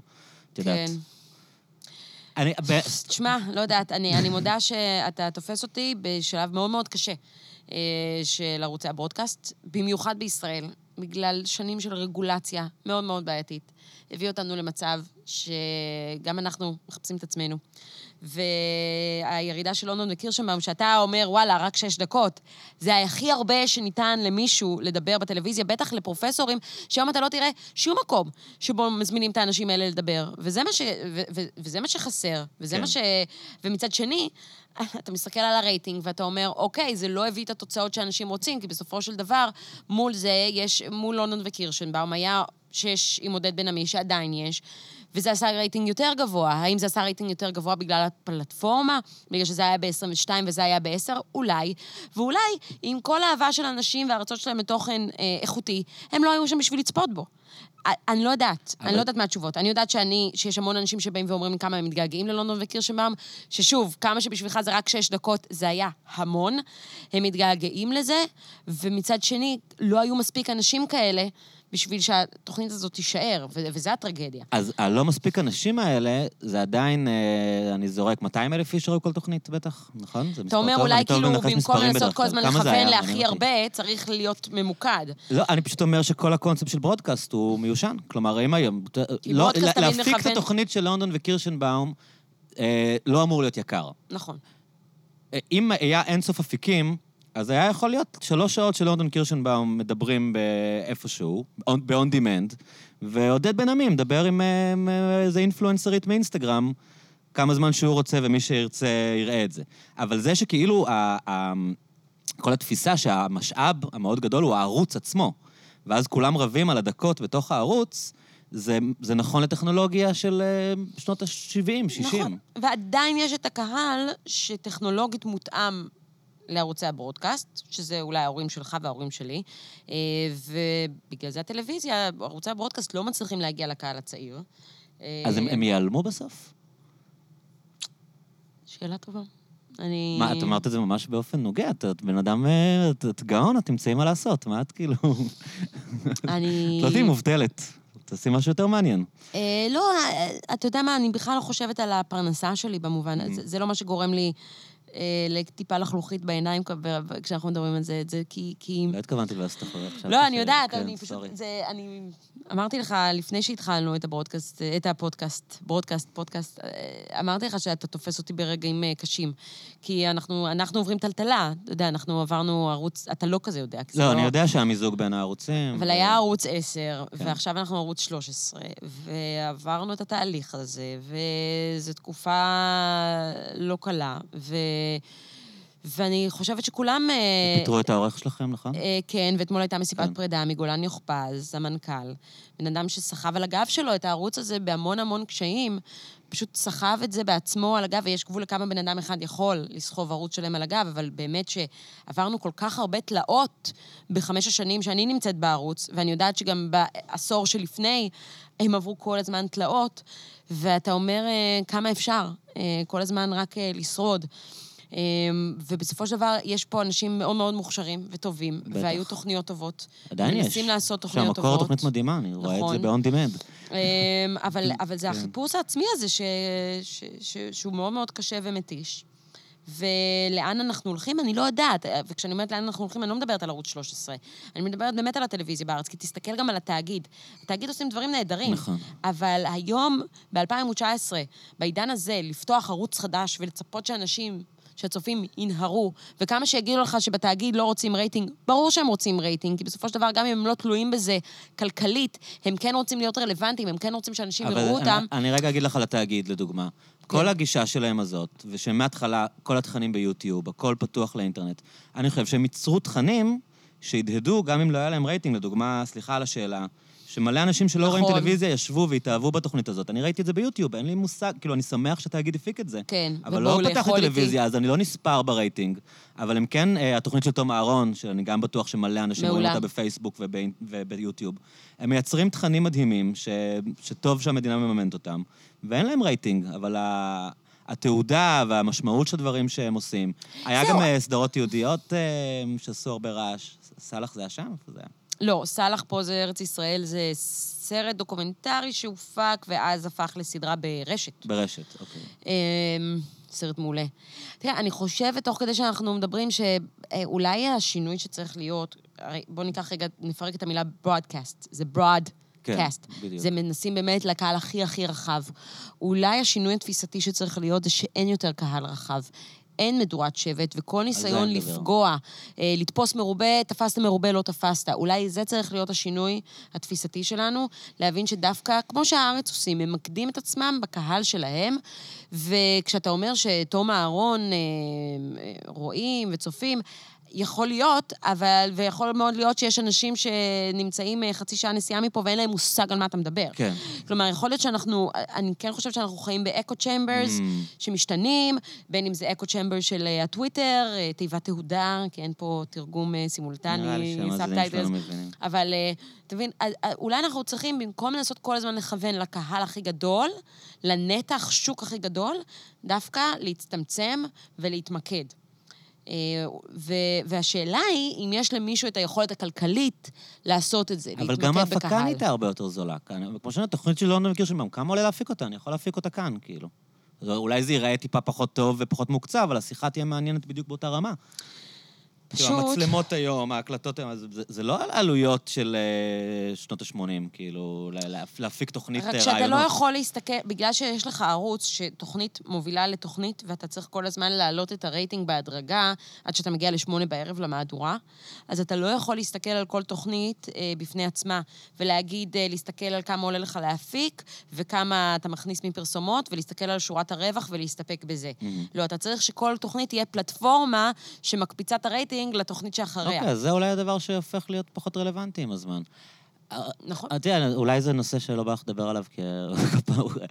ה- ה friction הזה בין אה, עשר לרשת, זה מגיע לאזורים מדהימים עכשיו, ראיתי בעימות של אה, ליאור שליין ורני רהב. זה כאילו מדהים כן. שאנשים באותו ערוץ פשוט מעלים אחד על השני סרטוני שנאה אני- ומקללים אחד את השני. אני, אני מת על זה, אני חושב שזה מדהים, כאילו, אני ומראה על צפיתי. באמת בליאור אה, קורא לאנשים לא לראות טלוויזיה, את הערוץ שלו בשישי, ואמרתי לעצמי, וואו, איזה, איזה אומץ. אה, אני, ואני לא יודעת... זה לא, אה, לא היינו רואים דבר כזה לפני חמש שנים, נכון? לא, לא. כי באמת, כי זה פשוט לא קרה לפני חמש שנים, ההתנגשות הזאת בין שני אנשים, בין, בין כמה אנשים שהם מאוד מאוד שונים. אה, ו... תראה, בסוף יכול להיות שזה יעשה טוב לשני הצדדים. אז אה, כי, כי אני אמרתי, וואו, ליאור קורא לאנשים לא לראות אה, טלוויזיה בשישי ב, בערוץ שלו, מאיפה יש לו את האומץ להגיד את הדברים האלה? ואז עצרתי רגע ואמרתי, רגע, זה לא שאם ליאור שליין קורא לאנשים לא לראות, עכשיו הם לא לא יראו. ואני, ואני יוצאת מכאן להנחה שגם הבוסים לוקחים את זה בחשבון. הכל נהיה הרבה יותר מתוחכם, כאילו. כן, אז. אז, אז נראה לי הכל בסדר, כי אני לרגע דאגתי לליאור אחרי שראיתי את זה. ואני לא, רואה, ואני לא חושבת שיש לי סיבה לדאוג לו. הוא ידע מה הוא עושה. אני מניחה שכן. אה, אני, אני מודה שלי לא היה את האומץ בחיים להגיד משהו כזה ולהיכנס לקונפליקט פומבי עם מישהו שעובד בערוץ שלי. אבל הוא קצת איש מדון, הוא אוהב לריב, כאילו, נכון, לפחות ברמה נכון, התקשורתית. נכון. בסופו של דבר, אנשים שרבים זה אנשים שמסוגלים להתמודד עם החום הזה. כן. ו... והרבה פעמים, אני מצד אחד אוהבת להביע את אה, דעותיי, אבל אני מודה שלא נעים לי תמיד אה, להתמודד עם ההשלכות של הדעות האלה. כלומר, כש, כשמשהו דחוף לי ובוער בי, אני אכתוב אותו בטוויטר, ואז יהיה לי מאוד מאוד לא קל עם התגובות שאני אקבל, אם כי גם לזה הם מתרגלים. כשמשהו מספיק בוער, אז פשוט חייבים להגיד אותו. תגידי, אז מה את רואה כשאת אה, לא עייפה מדי ויושבת עם אה, בן זוגך מול הטלוויזיה? עכשיו אני רואה צ'רנוביל, והוא לא מוכן לראות את זה איתי, הוא לא מוכן להתמודד עם זה, ואני אומרת לו, אתה חייב לחלוק איתי את המועקה הזאת, כי אני לא רוצה לעבור את זה אני לבד. גם בגלל זה עוד לא התחלתי. זה... נראה לי פשוט אני לא מבין למה שאני ארצה... אימא שלי אמרה. לי, זו חובה מוסרית שלנו לראות את זה. אבל אני יודע מה קרה שם. אבל אתה לא יודע מה קרה שם, אתה לא זה מה. שכולם אומרים לי. אתה לא. לא, אוקיי. זה... שוב, כן. אולי אתה יודע לא, הרבה לא, אני יותר לא. ממני. אה, אני חשבתי יודע- שאני יודעת. מה קרה בצ'רנוביל, ואני ממש לא ידעתי כלום. אה, ו- וזה הכל מאוד מדויק, זה סיפורים אמיתיים. גם הסיפורים שמתמקדים בבן אדם אחד, בכבאי אחד, שמת תוך שבוע, זה סיפורים אמיתיים. זה לא כמו בטיטניק, שהתמקדו ב- בזוג אה, מאוהב, וזה סיפור מומצא בשביל אה, ל- להפוך לעשות את זה הסרט הכי לרומנטי. מצליח בכל הזמנים. כן. פה זה ממש התמקדו בסיפורים שהיו, ואתה... אני, צו, אני צופה בזה ואני תופסת עצמי, ואני פשוט לא מאמינה שאני רואה את מה שאני רואה, זה משגע אותי. אני אחרי זה הולכת לישון עם... פשוט מועקה. תמיד, תמיד, אני- תמיד כל החיים אנשים אומרים לי דברים כאלה, גם אתה אומר לי את זה, יונתן. זה כזה, אתה חייב לראות את זה, זה מזעזע. כאילו, למה שאני רוצה לראות את זה אם זה אבל מזעזע? זהו, בסופו של דבר- לא, לא נרדמתי אחרי זה בלילה, כאילו, אוקיי, אתה ממשיך לתת לי סיבות למה לא לראות את זה. כי בסופו של דבר, אם זה, זה עשוי טלוויזיונית מעולה, וזה מה ששומר, זה ההוק ששומר, זה הדבק אמרו שגורם לי לך שרמת להידבק המשחק למסך. שם היא... לא, לא, לא, לא תאמן, כאילו, שהמשחק ברמה הכי גבוהה. הדבר ש- היחיד שבעייתי שם זה העניין של המבטא. הבריטי. אני פשוט, אני חושבת שאולי אם הם היו מביאים אנשים שידברו אנגלית, אבל עם מבטא רוסי זה קצת היה יותר טוב. זה גם מגוחך. אה, היה את הסדרה הזאת, אה, אה, הרודן, שהם כולם כולם דיברו באנגלית במבטא כן, ערבי, זה היה כן. כל כך מטופש. נורא. אמ, אבל, אבל זה כן מביא אותי ל, ל- לשיחה על, רגע, פה ערוצי broadcast ולאן זה הולך. שים לב על דברים שהצליחו לעשות כותרות, ולא רק לעשות כותרות, אלא לשנות מציאות. צ'רנוביל עכשיו, שכולם מדברים על זה, וזה לא דוקומנטרי, זה עלילתי. כן. אתה רואה אנשים שנוסעים עכשיו לצ'רנוביל כן. אה, כדי לראות מה קרה שם, בגלל הסדרה. אמ, הדוקומנטרי Surviving R. Kelly, כן. הדוקומנטרי על מייקל ג'קסון. מדובר פה בנושאים שהיו על סדר היום במשך שנים. גם מייקל ג'קסון, היה משפט, כולנו ידענו. נכון. אר קלי, ידענו, נכון. נעצר, היה משפט. כולם הכירו את הסיפורים האלה דרך התקשורת, דרך כותרות בתקשורת, בעיתונות. אבל רק לסרט דוקומנטרי או לסדרה עלילתית כמו צ'רנוביל, יש את רוחב היריעה. אה, ויכולה לספק, בגלל התקציב הגבוה, גם רמת עניין שתדביק אותך למסך, שלא רק תיידע אנשים דרך כותרת קצרה אה, במה שקרה, אלא תמשוך אותם, תשאב אותם לתוך הסיפור, אני- בדיוק. וזה יוביל אותם לפעולה. אני לא חושב רק שזה- לסתם הבנה. זה הכוח העתיק של סיפור. כאילו, יש לך אינפורמציה ויש לך סיפור. ברגע שאתה יושב ומספרים לך סיפור, אתה... כן. זה, זה נחרט אצלך, אתה זוכר את זה משחר ההיסטוריה, מהמיתולוגיות. ברגע שיש לך סיפור, זה כבר לא אוסף של מידע שאתה לא לגמרי מתעניין בו, אלא כי אנשים... אתה מעורב בזה, כי אכפת לך, אנשים אתה כשהם קוראים זוכר. עיתון, הם עוצרים בכותרת. וזה לא מניע אותם לפעולה. זה רק כותרת. כן. זה, זה עוד כותרת. כן, כשהם רגע מתעמקים במשהו, כי הוא מעניין, נכון. זה, זה, זה משהו שמצליח לשנות מציאות. כי כשאני אומרת, הוא גורם לבן אדם לפעול, הוא אבל משנה איזה מציאות מציאות. השתנתה בעקבות הסרט של מייקל ג'קסון? לא משמיעים שירים שלו, בתחנות רדיו שונות. אנשים אשכרה מרגישים לא? בנוח. אה, אני, תראה, זה לא עניין של טוב או רע. אתה כן. ראית את הסדרה? לא. אה, בגלל זה. מאותה אה, לא רואה את צ'רנוביל. אז, זה לא עניין של טוב או רע. פשוט אחרי שאתה רואה את הסדרה, לא אתה בא לך מסוגל. לשמוע? כן. זה לא, אני לא מטיפה לאף אחד. הבנתי, כן פשוט לא לשמוע, לשמוע. לא לשמוע. אני, שאני מתה על מייקל ג'קסון ואני מתה על השירים נכון. של מייקל ג'קסון, קשה לי. וזה יעבור לך, את חושבת? Mm, לא, לא יודעת, אולי. אני אני לא חושב יודעת, שזה יהיה אסון אם לי. אנשים, אה, אם העולם יאבד את מייקל ג'קסון. אסון יותר גדול זה מה שקרה לילדים כן, האלה. אבל אני- אבל האסון הזה קרה לילדים בכל מקרה. יש מלא אסונות שקורים לילדים, ואין מלא אלבומים כמו ת'רילר. אין הרבה אמנים כמו מייקל ג'קסון. היה, אה, בטח... אה, טוב, תראה, זה לא שהוא הפס- מפסיק אה, להוציא שירים בגלל זה, הוא מפסיק להוציא שירים בגלל סיבה אחרת. אז אה, אז זה לא שהפסדנו אותו אני בגלל גם הסרט די בטוח הדוקומנטרי. שמקשיבים לו מלא אנשים, ואני גם בטוח... מקשיבים עוד אני גם הרבה בטוח אנשים. שעוד עוד 40 שנה אנשים יגידו, בואנה, היה את האנס הזה, אתה יודע שהוא היה הזמר הכי טוב בהיסטוריה. 40 שנה לא ישמעו לנו אותו, אבל מסתבר שכמו שהיום אנשים מתעניינים בצ'ארלי מנסון, כשהוא לא טוב, אז תחשבי מה יהיה כשיגלו צ'ארלי מנסון, שהוא במקרה גם הזמר הכי גדול בהיסטוריה. אני בטוח שאנשים יגידו, בוא, זה יתחיל בקטע רדיקלי, כן. ו... כי, תשמעי, הוא פשוט טוב מדי. מייקל ג'קסון הוא לא עניין של אה, שיווק או של זה. אני... נכון. גדלתי בתוך עולם שבו מייקל ג'קסון זה מובן מאליו, ואספתי קלפים שלו בתור ילד בלי לדעת בכלל שיר אחד שלו, וזה היה מין משהו שקיים בעולם, מייקל ג'קסון. ואף פעם לא, גם כשהתחלתי להתעניין במוזיקה, זה היה כזה, כן, יש את מייקל ג'קסון, אבל היום, כש... הקשבתי לזה בתור, את יודעת, בניתוק מסוים מהקונטקסט, לא לפני Neverland, כן? לפני Leaving Neverland. כן, לא יאמן כמה המוזיקה הזאת טובה. נכון. זה פשוט לא יאמן כמה המוזיקה של מייקל ג'קסון טובה. את ראית את Nanette? לא. אוקיי. אמ, סטנדאפיסט, שאלה טובה, אם זה אה, סטנדאפ. אה, האנה אה, גדסבי, אני חושב שקוראים לה? כן, כן, אני לא יודעת, לא ראיתי את זה, כי אני מודה שהתעייפתי רק מהדיונים סביב זה. כן. וראיתי קצת, והיא פשוט כן. לא הצחיקה אותי, אז לא היה לי את הכוח להישאר ולראות עוד. זה נורא מוזר, זה מוצג כ special סטנדאפ, שהוא לא מצחיק בכלל, והיא מסבירה למה היא לא עושה אותו סטנדאפ, וזה בעצם איזה שעה וחצי, שעתיים, אישה שהיא במקור קומיקאית, כן. צועקת על הקהל, אה, על כמה העולם הזה חרא, והרבה בהקשר אה, של אלימות מינית ודברים כאלה, וחוסר צדק ופמיניזם. אה, אישה מאוד חכמה, כן? ושמנה. כן. על אחד הדברים שהיא מתחילה לפתוח עליהם שם, זה כאילו על פיקאסו. ו... ואיך פיקאסו אה, התרברב בזה שבגיל 50 הוא היה עם אה, אישה בת שבע... עם נערה בת 17. היה מדובר על שנות ה-60. כן. אתה יודע, זה תמיד בעיה, כאילו... או- או לשפוט שזה לא אותם. בסטנדרטים של היום. אבל, זה אבל, בעיה לשפוט אותם בסטנדרטים של היום. אבל לדעתי זה בכלל לא משנה. היא באמת אמרה כאילו... אחרי זה ראיתי ראיונות שהיא תיקנה את זה, אבל המסר שעובר מבחינתה, מה שאני הבנתי בסטנדאפ שלה, זה כאילו להחרים את פיקאסו. שלא צריך לכבד יותר את פיקאסו. אני אומר, אין, אין עוד פיקאסו. אין לאנושות באומנות, בניגוד לנגיד, אני, אני הראשון שיגיד על כל חבר כנסת, שר, מנכ"ל משרד ממשלתי, ניצב, שופט בבית משפט, לך, שיבוא מישהו אחר. באמת חייבים שהבן אדם הזה יהיה. יש חשדות, לא ברור מה קרה. בוא פשוט נביא מישהו אחר.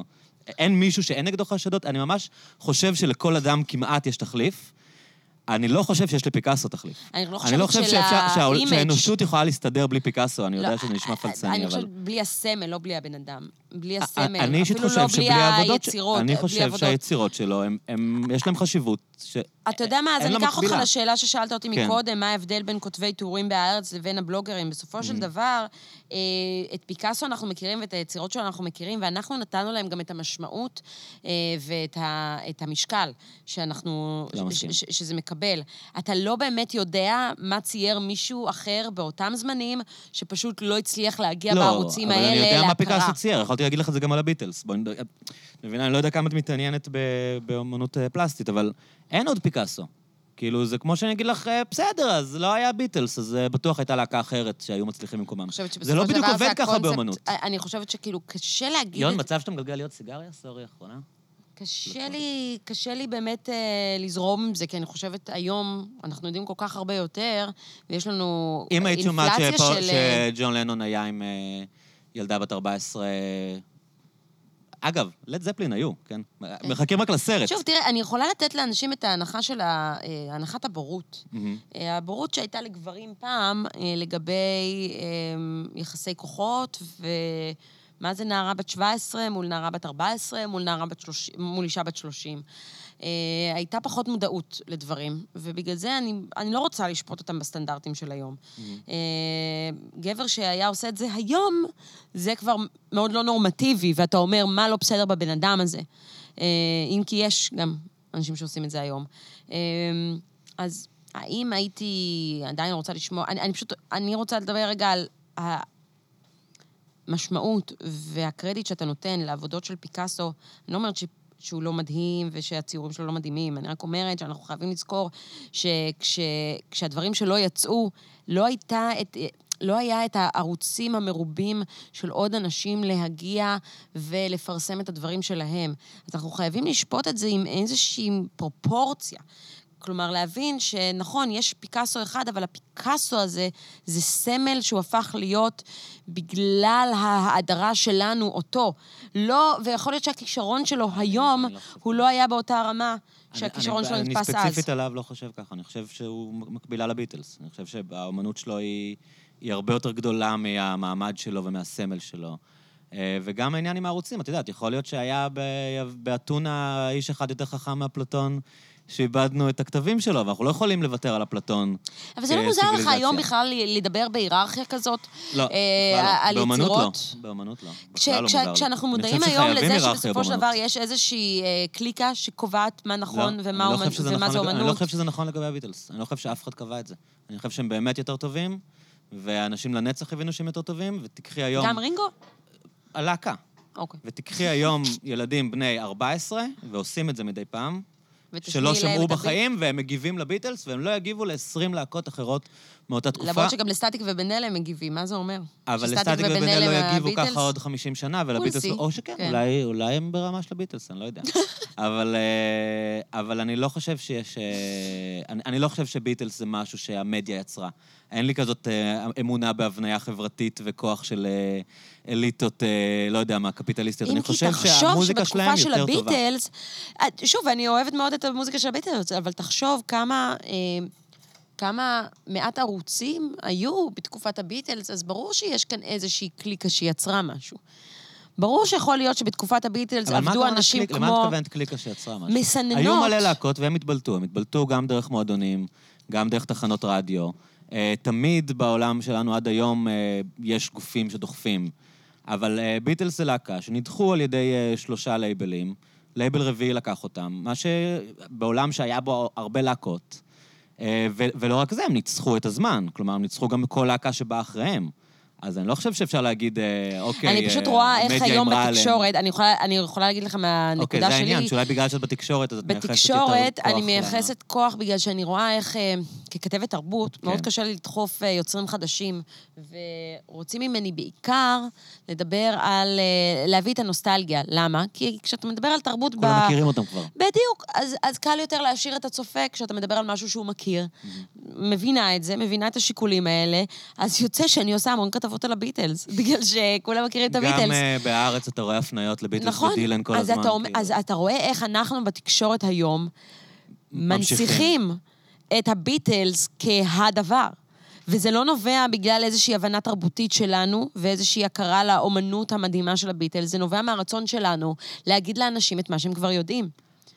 וזה בעיה. כן, אבל גם אנשים צעירים מעריצים את הביטלס. זאת אומרת, גם אנשים... שוב, גם אבל מוזיקה- כמה זה גם... לא, כמה לא, זה לא, גם לא. השלכה של זה שאנחנו כל הזמן טוב, מדברים על ואין- הביטלס. כמובן שאין לזה תשובה, וזה עניין של נכון. אמונה.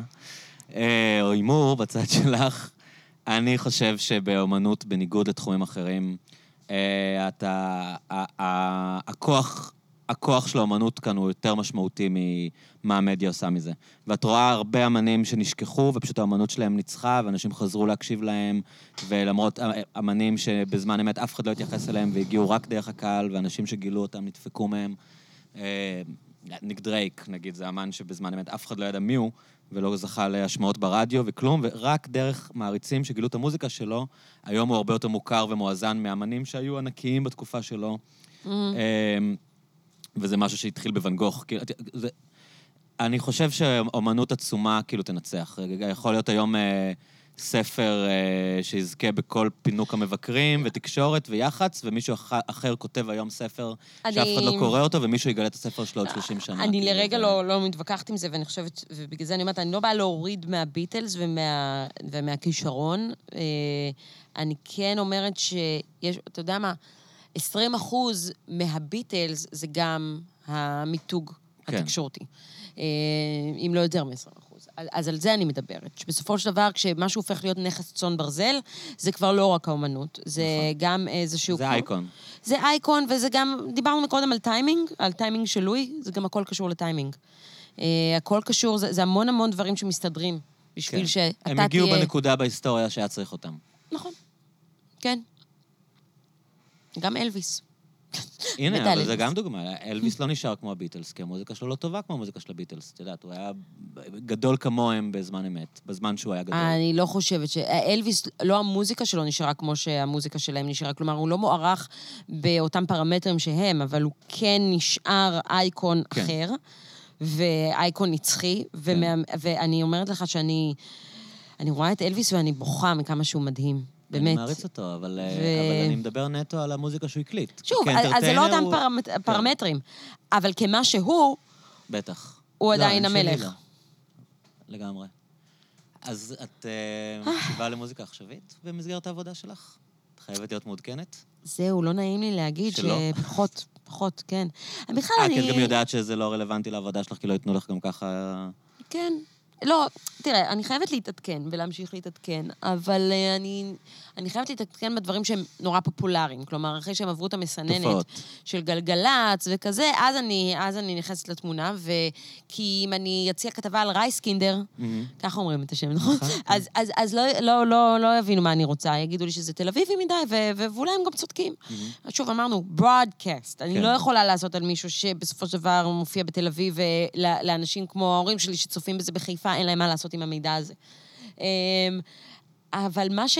בלי קשר להיותי כתבת תרבות, אני כן שמתי לב שפשוט... אה, ככל שמתבגרים, אתה, אתה מקשיב פחות למוזיקה עכשווית, אלא אם כן אתה בתחום, כן. כמוך, ואז יש לך, אתה חייב להתעדכן וזה חלק מהחיים שלך, Mm-hmm. אבל שים לב שרוב המוזיקה שאנחנו צורכים היא בשנות העשרה שלנו. יש מחקר שהטעם המוזיקלי שלך מתגבש בגיל 15. כן, שבגדול, גם אם אתה לא מקשיב בדיוק לאותה מוזיקה שהקשבת בגיל 15, אתה בעצם אוהב דברים שהם סביב הטעם שלך שהתגבש בגיל 15. עכשיו, אבל עכשיו, לכל אחד יש חוויה אחרת בגיל 15, נכון. כי אפשר להגיד שאני, אוקיי, גיל 15 אצלי, מה זה היה? Backstreet Boys ו NSYNC, אבל לא, זו לא המוזיקה האהובה עליי. אני בגיל 15 הקשבתי למוזיקה שהאחים שלי אוהבים, והאחים שלי, מה הם אהבו בגיל 15? מוזיקת 80's ו-90's. אז. אני חיה את המוזיקה שהאחים שלי, הגדולים שלי, האחיות והאח שלי, אוהבים, אז, אה, אז אני תקועה ב-80's בכלל, בטעם המוזיקלי שלי. למרות שב-80's אה, נולדתי ב-85. אז כל אחד החוויה האחרת שלו בגיל 15, אבל אני כן חושבת שזו החוויה בגיל 15 או בשנים האלה שמעצבת את הטעם המוזיקלי. אני בטוח שזה נכון. כן. זאת אומרת, אני לא מקשיב לאותה מוזיקה, אבל אין לי ספק שהטעם המוזיקלי שלי התגבש בגיל 15, ואני שמח שהקשבתי אז להרבה דברים, אז את יודעת, אהבתי. היפ-הופ ואהבתי גראנג' ואהבתי את ליאונרד כהן. אבל אני באמת, כאילו. תראה, אני חזרתי הביתה כל יום מבית ספר, פתחתי VH1, ופשוט הייתי מול VH1, שזה היה רוב הזמן 80's. אז תמיד אהבת מוזיקה של פעם, כאילו? כן. אז כל מה שאני, כאילו, זה, זה המוזיקה שאני מכירה, 80's, ו- וקצת ני- ו-90's, ברור. אמ, כן, אה, אתה כן מאוד מתעדכן כשאתה צעיר, אז חשוב לך גם להיות מאוד מעודכן. אז ברור שאני מכירה את המוזיקה המעודכנת של השנים שבהן הייתי טיפש עשרה, אמ, ו- ופשוט אז, כבת טיפש עשרה, אהבתי מוזיקת 80's. אבל... אני גם נורא חזק ב nineties. אה, ובשנות האלפיים, ברור שאני עוקבת אה, אחרי מוזיקת פופ, אבל לא, אני לא צורכת אותה יותר מדי. זה לא... לא מקשיבה לבילי אייליש? אני כן, יואו, היא מדהימה. ידעתי. וואי, וזה נורא מצחיק, כי אה, אחיינית שלי, בת 13, שרה את השיר שלה. את bad guy, ואני כזה, כן. אוי, היא לא מבינה מה היא שרה זה פה, לא וזה לא נעים. תקשיבי, I יחסית want to be your animal, ואני כזה, אוי, לדברים לא, ש-. יחסית לדברים שיש היום בפופ, עכשיו, אה, את יודעת מי זה Tove Lo? כן, היא הוציאה וידאו חדש שווניה היימן שלנו ביים. יפה. וידאו מדהים, ממליץ לכולם לראות. אני ממש מקווה שהילדים אה, שמקשיבים לזה לא מבינים את המילים. כן, אה? כאילו היא מדברת עם חברה שלה בטלפון, ואומרת לה, אה, היא נותנת לה עצות אחרי שחבר שלה זרק אותה, וגם על זה הקליפ. אהה. והיא בודקת איתה שהיא עשתה כל מה שצריך, כשהיא, לפני שהוא עזב אותה, אז היא שרה, אה, did, did you go down to him on his bir- birthday, שזה עוד מילא, did you let him leave a necklace. עכשיו, את יודעת, נראה לי, מה זה to leave a necklace? לא, אין לי מושג. אוקיי, אני לא אספר לך. אנחנו לא תוכנית כזאת. את יכולה לדמיין מה זה a necklace? סתם, לא, זה מגעיל מדי. אוקיי, ספר גוגל. איט. אוקיי. ואני לא, בטח מקווה שהאחיינית שלי לא מקשיבה לטוב עלו ולא מבינה מה זה a necklace. אה, אבל היה משהו אחר שרציתי. אני צריך ממך טיפים לאיך מראיינים, כי אני מרגיש ש... זה, דבר אחד, זה קל כאילו להביא אותך, שאת אה, בן אדם, אה, איש תקשורת שמדבר אה, נורא, כן, שוטף, רגילה שיש לך מצלמה, מבינה שאי אפשר לשתוק לרגע ולחשוב Mm, תוך כדי כן. שמדברים, ולפעמים אתה יושב עם בן אדם מאוד חכם, מאוד מעניין, שאתה שואל אותו שאלה, והוא צריך לחשוב, כאילו. עכשיו, זה בסדר, אנחנו לא ברודקאסט, אין לי בעיה שיהיו שתיקות וזה נחמד, אבל אני צריך אה, כמה, כמה טיפים לאיך... אה, איך לצאת, מ... איך לצאת מבורות ב... ברעיונות שפחות זורמים. מעניין, כי אני... זה קטע, כי אני לא באמת יכולה לתת טיפים, כי זה לא שכשאני באה לראיין מישהו, אני אה, באה עם רעיונות ודרך אה, מסוימת לעשות את זה. כלומר, זה לא ש... זה דברים שא', פשוט אה, צוברים בהם ניסיון, אבל, ויכול להיות שיש אנשים שבאים יותר ממוקדים עם איזושהי תוכנית עבודה לדבר הזה. אצלי זה שיחות שזורמות, כמו שהשיחה הזאת זורמת, כן. אז יכול להיות שלפעמים אני אתקל במרואיין שהוא פחות דברן, אה, ואני פשוט אמלא את הזמן הזה ב... אני, אני אנסח את השאלה כל פעם בעוד דרך שאולי תקל עליו לענות, אם אני רואה שהוא נתקע. אז אני אגיד את זה בעוד דרך, אני אוסיף עוד אינפורמציה.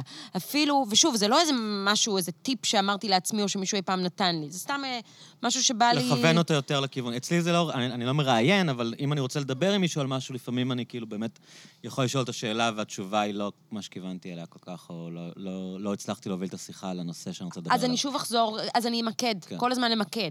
אם אתה רואה שזה לא הולך לאן שאתה רוצה, אז כל הזמן צריך to rephrase it. אה, ואז, אה, ו- ו- ובגלל שבאמת אה, טלוויזיה לא סובלת שתיקות, ואני גם בחיים לא בן אדם שקל לו עם שתיקות בשיחות, אין לי שתיקות מביכות. אז בדייטים היית מדברת בלי הפסקה פשוט? כן, כן. היה לחבר שלי משפט גאוני, שהוא אמר, הייתי בדייט, יש לי משפט כשאני בדייטים גרועים, אני תמיד אומר לעצמי, טוב, לפחות אני כאן. אז הוא דיבר בלי הפסקה. אז, כן. זה, הייתה תמיד בעיה שלי בדייטים גרועים, כי הבנתי ש... איך הבנתי שזה דייט גרוע? אם אני כל הזמן מדברת ואין לי קונטרה. ואני חושבת שהבן זוג שלי ואני, הסיבה שאנחנו... הסיבה שזה עבד זה בגלל ששנינו דברנים, אוקיי. ופשוט לא היה רגע של שתיקה. You've met your match. אה, כן, כן, זה פשוט אה, היה... זה היה פינג פונג על ההתחלה. ו... ואני חושבת גם בראיונות, שכן, אם אני רואה שהבן אדם לא הולך לכיוון הזה, אז אני פשוט אמשיך ואחזור על אותה שאלה, פשוט בדרך קצת אחרת. וגם אם אני רוצה לגרום לבן אדם להרגיש בנוח, או לתת לו איזשהו כיוון, אז אני יכולה גם להגיד מה דעתי, אני יכולה להגיד איך אני חושבת על משהו, ואז זה נותן לו איזושהי אופציה. כן. כי בסופו של דבר, החוכמה של מראיין זה לגרום לבן אדם שמולו, למרואיין, להגיד את מה שהוא רוצה להגיד. כי לפעמים אנשים יש להם משהו שהם רוצים להגיד, אבל הם לא מצליחים כל כך לבטא את זה. אה, כי וואלה, לא שאלת את השאלה מספיק טוב, או שהם לא לא מרגישים היה להם מספיק נעים, נוח. או לא רצו לדחוף. אז החוכמה שלך זה איכשהו להוביל אותם לכך שהם יצאו הכי נכון ומדויק שהם יכולים. לא לגרום להם להגיד משהו שהם לא באמת התכוונו אליו, ואז לעשות מזה כותרת. כי, שוב, הרבה מראיינים יכולים לחשוב שזה מה ש... זו המטרה. לא, אני רוצה שהבן אדם שמולי יגיד את מה שהוא הכי רוצה להגיד. ש... שהוא יצא הכי מדויק לעצמו. ראיינת הרבה אנשים מפורסמים ממש, לא? כן, האחרון שלי היה קיאנו ריבס, וזה היה נורא. את ראיינת את קיאנו? כן, זה היה פשוט נורא. אה, זה, תראה, זה ראיונות של ארבע דקות, הראיונות האלה. איך זה הולך? יש כזה, יושבים מלא עיתונאים ומכניסים אותם אחד-אחד עם אה, סטופר? סטופר של ארבע דקות. וכולם שואלים אותם אותם שאלות והם כבר משועממים ואין להם אה, אתה כוח לענות? מנסה לא לשאול אותן שאלות, אבל הרוב רוב זה כמו שתשאל אבל אותן לא, שאלות. המטרה שלך זה לא להיות מעניינת בשבילו, את רוצה להביא את השאלות שאת הקהל אתה בדיוק. רוצה לשמוע. אז, כאילו. אז שוב, אבל מצד שני, אתה רוצה שהוא יהיה מספיק בעניין ויזרום איתך. אז אתה חייב, אה, אתה חייב כן להתנסח קצת יותר מעניין. אה, יש המון דברים שצריך לקחת בחשבון בדברים האלה, כי יש לך ארבע דקות, ואם הוא לא עונה את התשובה שרצית, אין לך הערכה. כלומר, אתה חייב, יש לך את הזמן הזה, לפעמים הוא יכול לאשר לך עוד זמן אם מעניין לו, או שיש שם איזה פאבליסיסט אם שאומרת לך אופי? הוא מתחיל לענות על שאלה, וכבר עברנו את הארבע דקות, הפאבליסיסט לא, יגיד, לא תגיד לא להפסיק, Mm. אבל היא לא תיתן לי לשאול עוד שאלה. אז יכול להיות ששאלתי וואו. שאלה והוא חופר.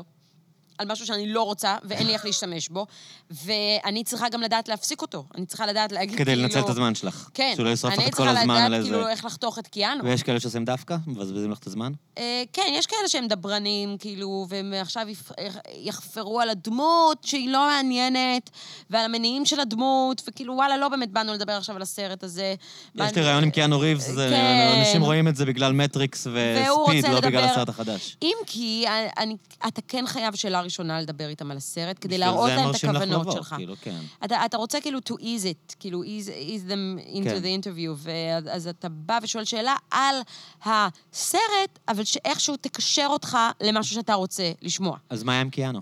עם קיאנו, הוא... וואו, הוא לא איתנו, אני חייבת להגיד. כן, הבן out אדם לא לגמרי? מסתכל בעיניים, אה. הוא עונה תשובות של, תשובות של משפט. אני באתי עם שש שאלות מוכנות, ולארבע דקות זה המון, ונשארתי כמעט בלי שאלות, אה, שזה לא קורה אף פעם בארבע דקות ראיון.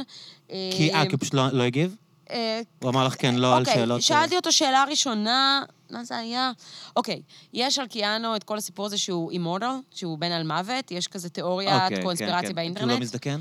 כן, כולו מזדקן. עכשיו, אני באה לדבר איתו על ג'ון וויק, סרט אקשן, שבו הוא אוקיי. עושה את רוב הסצנות בעצמו, נכון. ואין לו כפילים. אז אני אומרת לו אה, שמה שיפה בסצנות האלה זה שהוא עושה את הכל אה, לבד. אה, האם זה נהיה קשה עם השנים, או שאתה באמת בן אלמוות, כמו שסתם... איתו, theories. סתם. כן! אז אמרתי לו, some conspiracy theories might claim. והוא כזה, well, I'm definitely not immortal, אני לא בן על מוות, אבל, אה, וזה כן אה, נהיה קצת יותר קשה עם השנים. מצד שני, יש לי יותר ניסיון, אז זה גם קצת קל יותר. כאילו, נח יבש ולא זרם איתך על הצחוקים בשום? רמה, כאילו. מתתי. כאילו, הרמת לו לבדיחה, והוא כזה... כן. האמת שאני לא בן על מוות. אה, כן, אוקיי? אתה לא בן על מוות? מז- מזל. שחשפנו את הנקודה הזאת. אבל תשמע, בסוף זה כן. יצא בסדר, כי לכתבה של שלוש דקות, השאלה שלי הייתה מצחיקה. השאלה שלי, כאילו, רואים אותי יושבת ושואלת את כי זה את גם קיאנו, ככה ארוך מהתחת, אז זה כאילו. יצא מצחיק, והכל בסדר. וכל שלוש אה, דקות כאלה אתם מושכים לאיזה רבע שעה עם קטעי ארכיון שמדברים עליו, על. הסרט, ואז יש ופה ראיינתי. גם אותו וגם את האלי ברי. וואו. אז אז- אז אז כמה יפה היא במציאות. אה, פחות? פח- פחות, לא, היא עשתה משהו לא טוב עם השיער שלה, מעין כזה תוספות לא יפות ולא טבעיות, וזה לא נראה טוב. אבל היא כן נראית מדהים. עכשיו תראה, שניהם מעל גיל 50, רק שהוא... חוגגים את כמה שהוא אה, לא מזדקן, ונותנים לו עדיין תפקידים ראשיים, והיא תפקיד משנה, משנה, משנה בסרט שלו. אז עמדתי על ההבדל הזה, ודיברתי איתה על זה ש-20 שנה עברו מאז שהיא הייתה השחקנית השחורה הראשונה שזכתה בפרס השחקנית הראשית באוסקר, נכון. ומאז אף שחקנית אחרת לא זכתה, שחורה. ידעתי את זה. לא ז... אני יודעת, גם אני לא ידעתי את זה עד כי שבאתי תמיד יש לראיין אותה. מועמדות כזה, אז אתה מרגיש ש... יש מועמדות ויש שחקניות משנה שזכו, ו- שחורות. ויש גברים שזוכים. נכון, אבל שחקנית ראשית שחורה לא זכתה. נראה לי שכל 20 פעם יש. איזה במאי שזוכה, או תסריטאי שזוכה, אז כאילו זה כזה נעלם זה תמיד כאילו uh, first in history, uh, first time in history. אבל איזה שחקנית שחורה אה, איקונית, נגיד אפית, יש היום? אולי אני לא, לא קופץ לי איזה מישהי, את יודעת. איזה דנזל וושינגטונית כזאת, אה, כמו שאלי ברי הייתה. כאילו, היום יש את הם- ויולה דייוויס, אה, יש, יותר אה, מגוון. תראה, דנזל וושינגטון, שראיינתי אותו, והראיון הכי טוב שהיה לי אי פעם, ולא קשור בכלל לשאלות כי רציתי ששאלתי. לשאול אותך מה הראיון הכי טוב, אז גם לא, תראה, ששאלתי. דנזל וושינגטון... זה האמנות האמיתית. דנזל וושינגטון זה לא היה הראיון הכי טוב, כי זה ממש לא קשור לשאלות. זה קשור לזה שאני הייתי אז בהיריון חודש חמישי, והיה לי קטע כזה שכששאלו אותי, כשאמרו לי מזל טוב כל מיני אנשים, הייתי אומרת, על מה? לא ילדתי. כאילו, לא, לא, לא ילדתי, הייתי אומרת על אה, מה? להסתלבט עליהם שאת אני לא לא בהיריון? בהיריון, איזה והם. כזה, אה, אוי, אה, אה, לראות את הפרצוף של גבר שאמר לך, אה, את בהיריון, ואת אומרת לו, לא, אני לא, זה, זה מדהים. זה באמת, הייתי מתעללת ככה באנשים כל הזמן.